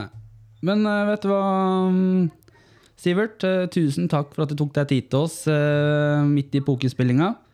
Jo, bare hyggelig. Ja, og så ønsker vi lykke til mot sesongen. Og tenker at vi skal minne på dere den der Rosenborg 2-kampen ja, før dere møter oss, for da blir dere kanskje litt irritert og mister fokus.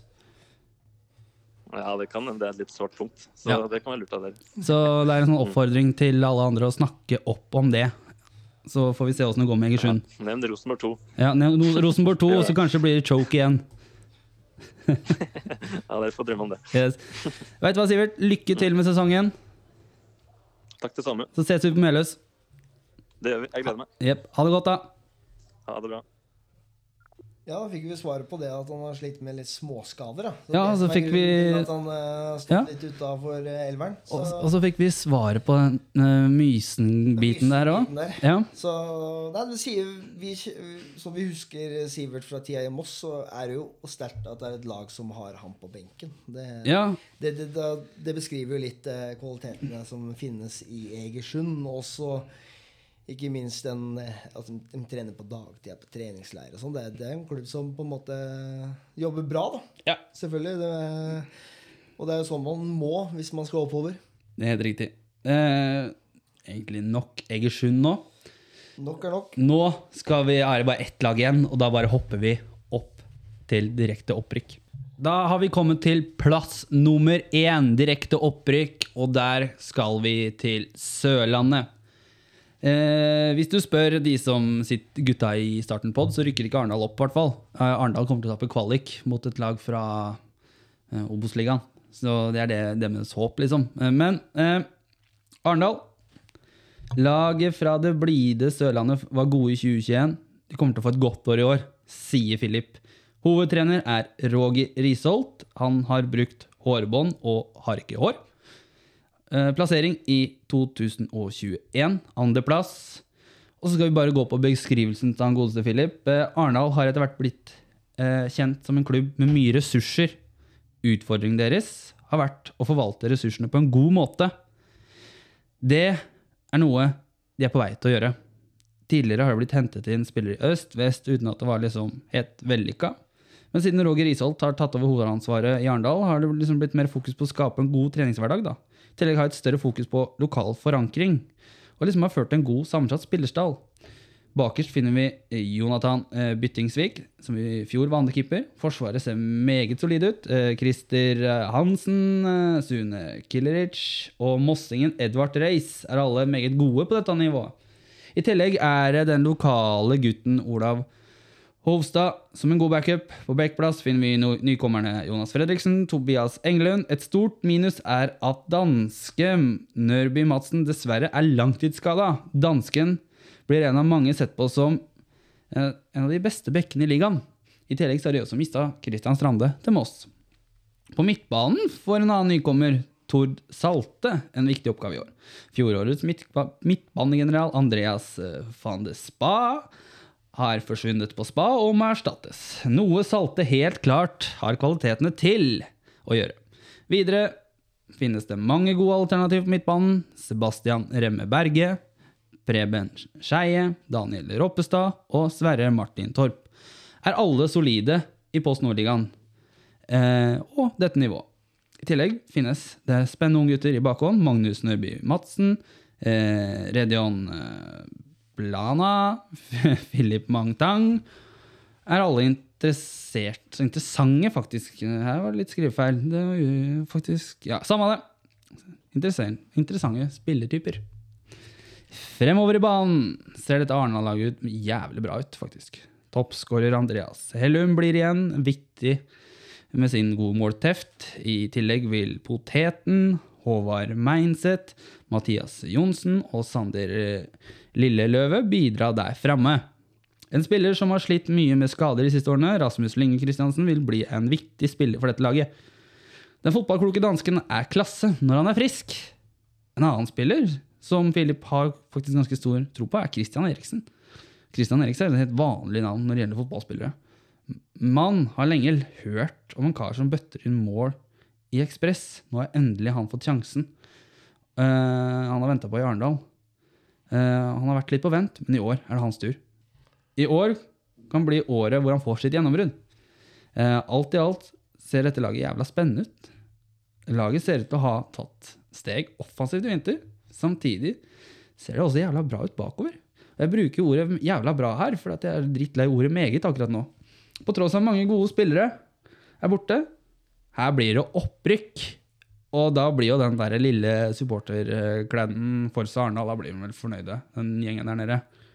Marius, deler du at Arendal er ligaens sterkeste lag og kan fort få et opprykk?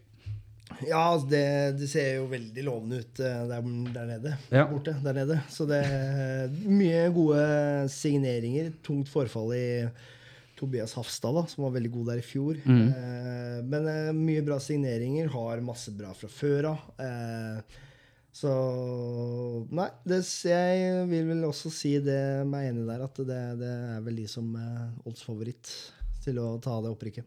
Ja, og du sier Hafstad. Er det sønnen til han Ja.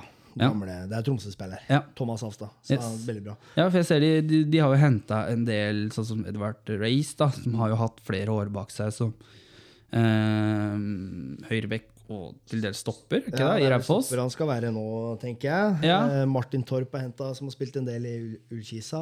Ja. de henter jo og Tord Salte, så de henter jo spillere som har god erfaring fra et nivå høyere opp. Mm. Spilt mye der. Eh, og ikke minst eh, Andreas Hellum, spissen. Det var vel 20, bare 20 mål på han i fjor, så han må jo levere, bør levere det igjen. da, Se om han klarer å gjenskape det. Eh, så Nei, Ellers så er det jo mye bra spillere som er inne på. Jeg husker jo Rasmus Kristiansen fra Det er jo sist vi møtte dem der i andre divisjon. Knallbra. Men eh, som sier, har slitt litt med skader og sånne ting. Eh, Hvis han finner gode, gamle formen der, så blir jo han veldig spennende. Så Nei, det er mye, mye bra spillere der. Så er det klart å, å sy det sammen til et godt og velfungerende lag, da. Som mange Det er ikke det er ikke bare bare å gjøre det heller. Nei. Det er vel litt samme som Egersund. Mye bra spillere på papiret, og så er det å få sydd det sammen til noe bra. Helt riktig. Og ha Philip sier vel egentlig ganske godt her. Altså, det har vært mye sånn fram og tilbake. De skulle jo ikke hatt den kvalikplassen i det hele tatt. De var jo egentlig sjanseløse på Ja, den. plutselig så, opp. Plutselig så fikk de en. Og så de tapte mot Hødd. Hødd, ja, som de Ja. røk i kvaliken for. Ja. Som igjen røk for eh, Stjørdal. Ja, og, men eh, det er eh, så klart, altså, de begynner jo altså, De begynner vel å prøve å få en, prøve å ha en kultur, da, som, som Philip er inne på her i sitt innlegg. Og um, det er vel kanskje det man har mangla litt. Som vi vet at Arendal har jo vært en klubb så Den klubben her er vel stifta i 2015, hvis jeg ikke tar feil. Ja, det er jo det. Og så har du en klubb der igjen som var stifta i 2014, som i konk. Altså det har vært litt sånn hele veien, da. Med litt forskjellig. Altså, før, man hadde jo Arendal tilbake i 2006, husker jeg også. En klubb der òg, hvor vi lånte ut uh, Morten Brun-Jacobsen, blant annet, fra Moss. Mm. Og Steffen Lilleng uh, gikk via Sarpsborg og ned. Ja. Men uh, det virker som altså, Agder har jo vært et sånn dårlig fotballyrke i veldig mange år, men nå har plutselig Jerv oppe. Start i, i Obos. Så har jo Arendal her nå, ja. Arndal her. Så ja, det, og det var jo, de rykka jo opp eh, for noen år siden også, det året vi hadde, med Tørum annet. De Ja. rykka vel kanskje da for tidlig opp, da, at klubben ikke var klar for det. Så det handler jo om å sørge for at klubben også er klar. Ja, og de rykka jo opp. rett ned igjen, Ja. ikke sant? Så Da de rykka jo opp i 2016, Ja. henta Fabian Næss fra Moss. De hadde Anders Gundersen, annet, som ble skada i Arendal. ja. Og de rykka rett ned igjen, for det virka ikke som de hadde kjangs. Nei, så det er jo klart Det, det, det må henge sammen at både et lag er godt nok, og at klubben er klar for det. Og ikke minst at du skal være klar for å prestere over flere år, da. Ja, også, sånn som når vi var der nede i 2016, da var jo du der òg. Mm. Du så, så jo hvordan stadion var da. Da var det nå er det jo annerledes. Det så ut som en svær, veldig svær fotballbinge, egentlig. Ja. For det var jo sånne her eh, vegger på sida. Ja. Og den der tribunen som er nå hovedtribunen, da, det var en svær sånn her Bare betongklump. betong, ja. Gammel tribune. altså Det er jo en gamle hjemmebanen til Grane. Eller. Grane ja, eller en av klubbene som er slått sammen i, i, Tiana. ikke sant? Også, men nå det liksom, heter det Norak stadion, som er sponsornavnet. De har bygd en eh, langside og en kortside bak målet her. Og så er det en midlertidig tribune som er bortetribune bak det ene målet, til høyre for kamera. En veldig forferdelig plass å stå på som Søgne-supportere, spesielt når det er motvind. Jep. Men uh, Arendal det, Det det, er sånn, det er sånn fin tur du har dratt på til eh, På sommeren, liksom. Fint nede, fint nede i Arendal. Ja, ja, vi var jo der er- Vi var midtsommeren, vi tok jo langhelg der nede. Du tok jo ikke det, vel å merke, da, men eh, vi var jo en gjeng på fem stykker som kom ned på fredag, var til søndag, kampen var på lørdag. og det var, det var god stemning, det, midt i Arendal sentrum på sommeren, nede i Pollen der. ah. Ja, Ja. det er fint der, altså. Ja, ja, vet du, da skulle du sett vet du, ADHD, vet du, da, da var den da var den i slaget nedpå der. Sto der og Hva er det med deg? Da, da, var- da, var det, da var det fin stemning. Dregelig stemning, tenker jeg. Dregelig stemning, spesielt når han ble sur fordi at vi var på et sted, og så brukte han så lang tid på å komme, og så gikk han inn på det stedet og lette etter oss. Så var han, ja, uansett, fordi at han måtte på hotellrommet rett og slett og drite. Ja. Ja.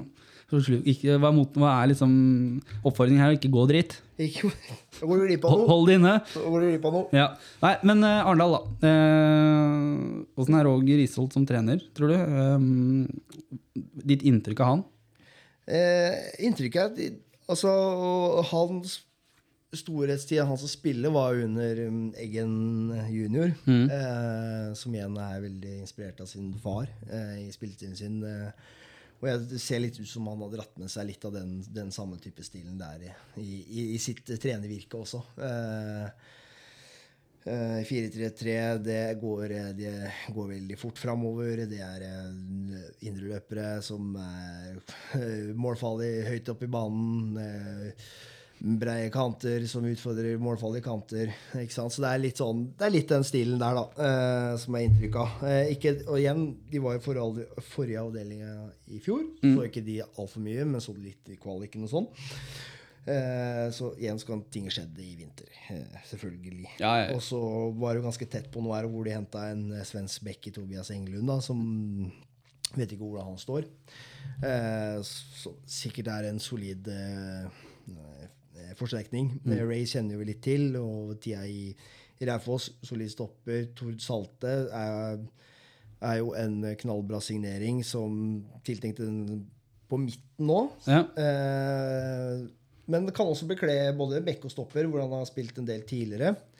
Eh, eh, og så har, du, har de jo henta Jonas Fredriksen, som er også eh, Spilt mye er mye Obos i Sogndal. Har vært en landslagsspiller som på en måte kanskje ikke har slått helt gjennom videre der. Kanskje han får en ny vår i Arendal. Så det er mye, my, henta mye bra spillere. Så er det jo, som vi snakka om i stad, å få sydd det sammen til et godt lag. da ja. Det skal fungere også på banen, Det skal fungere på banen, og det skal fungere sammen. og ikke liksom være uheldig med forskjellige ting som skader, dumme suspensjoner, ikke sant? Ja, ja. sånne ting. Og så når du henter mye gode spillere da, som sikkert ønsker å spille, være en del av elveren, hvordan er stemninga i, i gruppa når du skal sy sammen til Ønsker de hverandre sitt beste, og de er favoritter til å rykke opp. De har det lille presset på seg, de har litt forventning til seg, så de skal tåle å stå imot det også.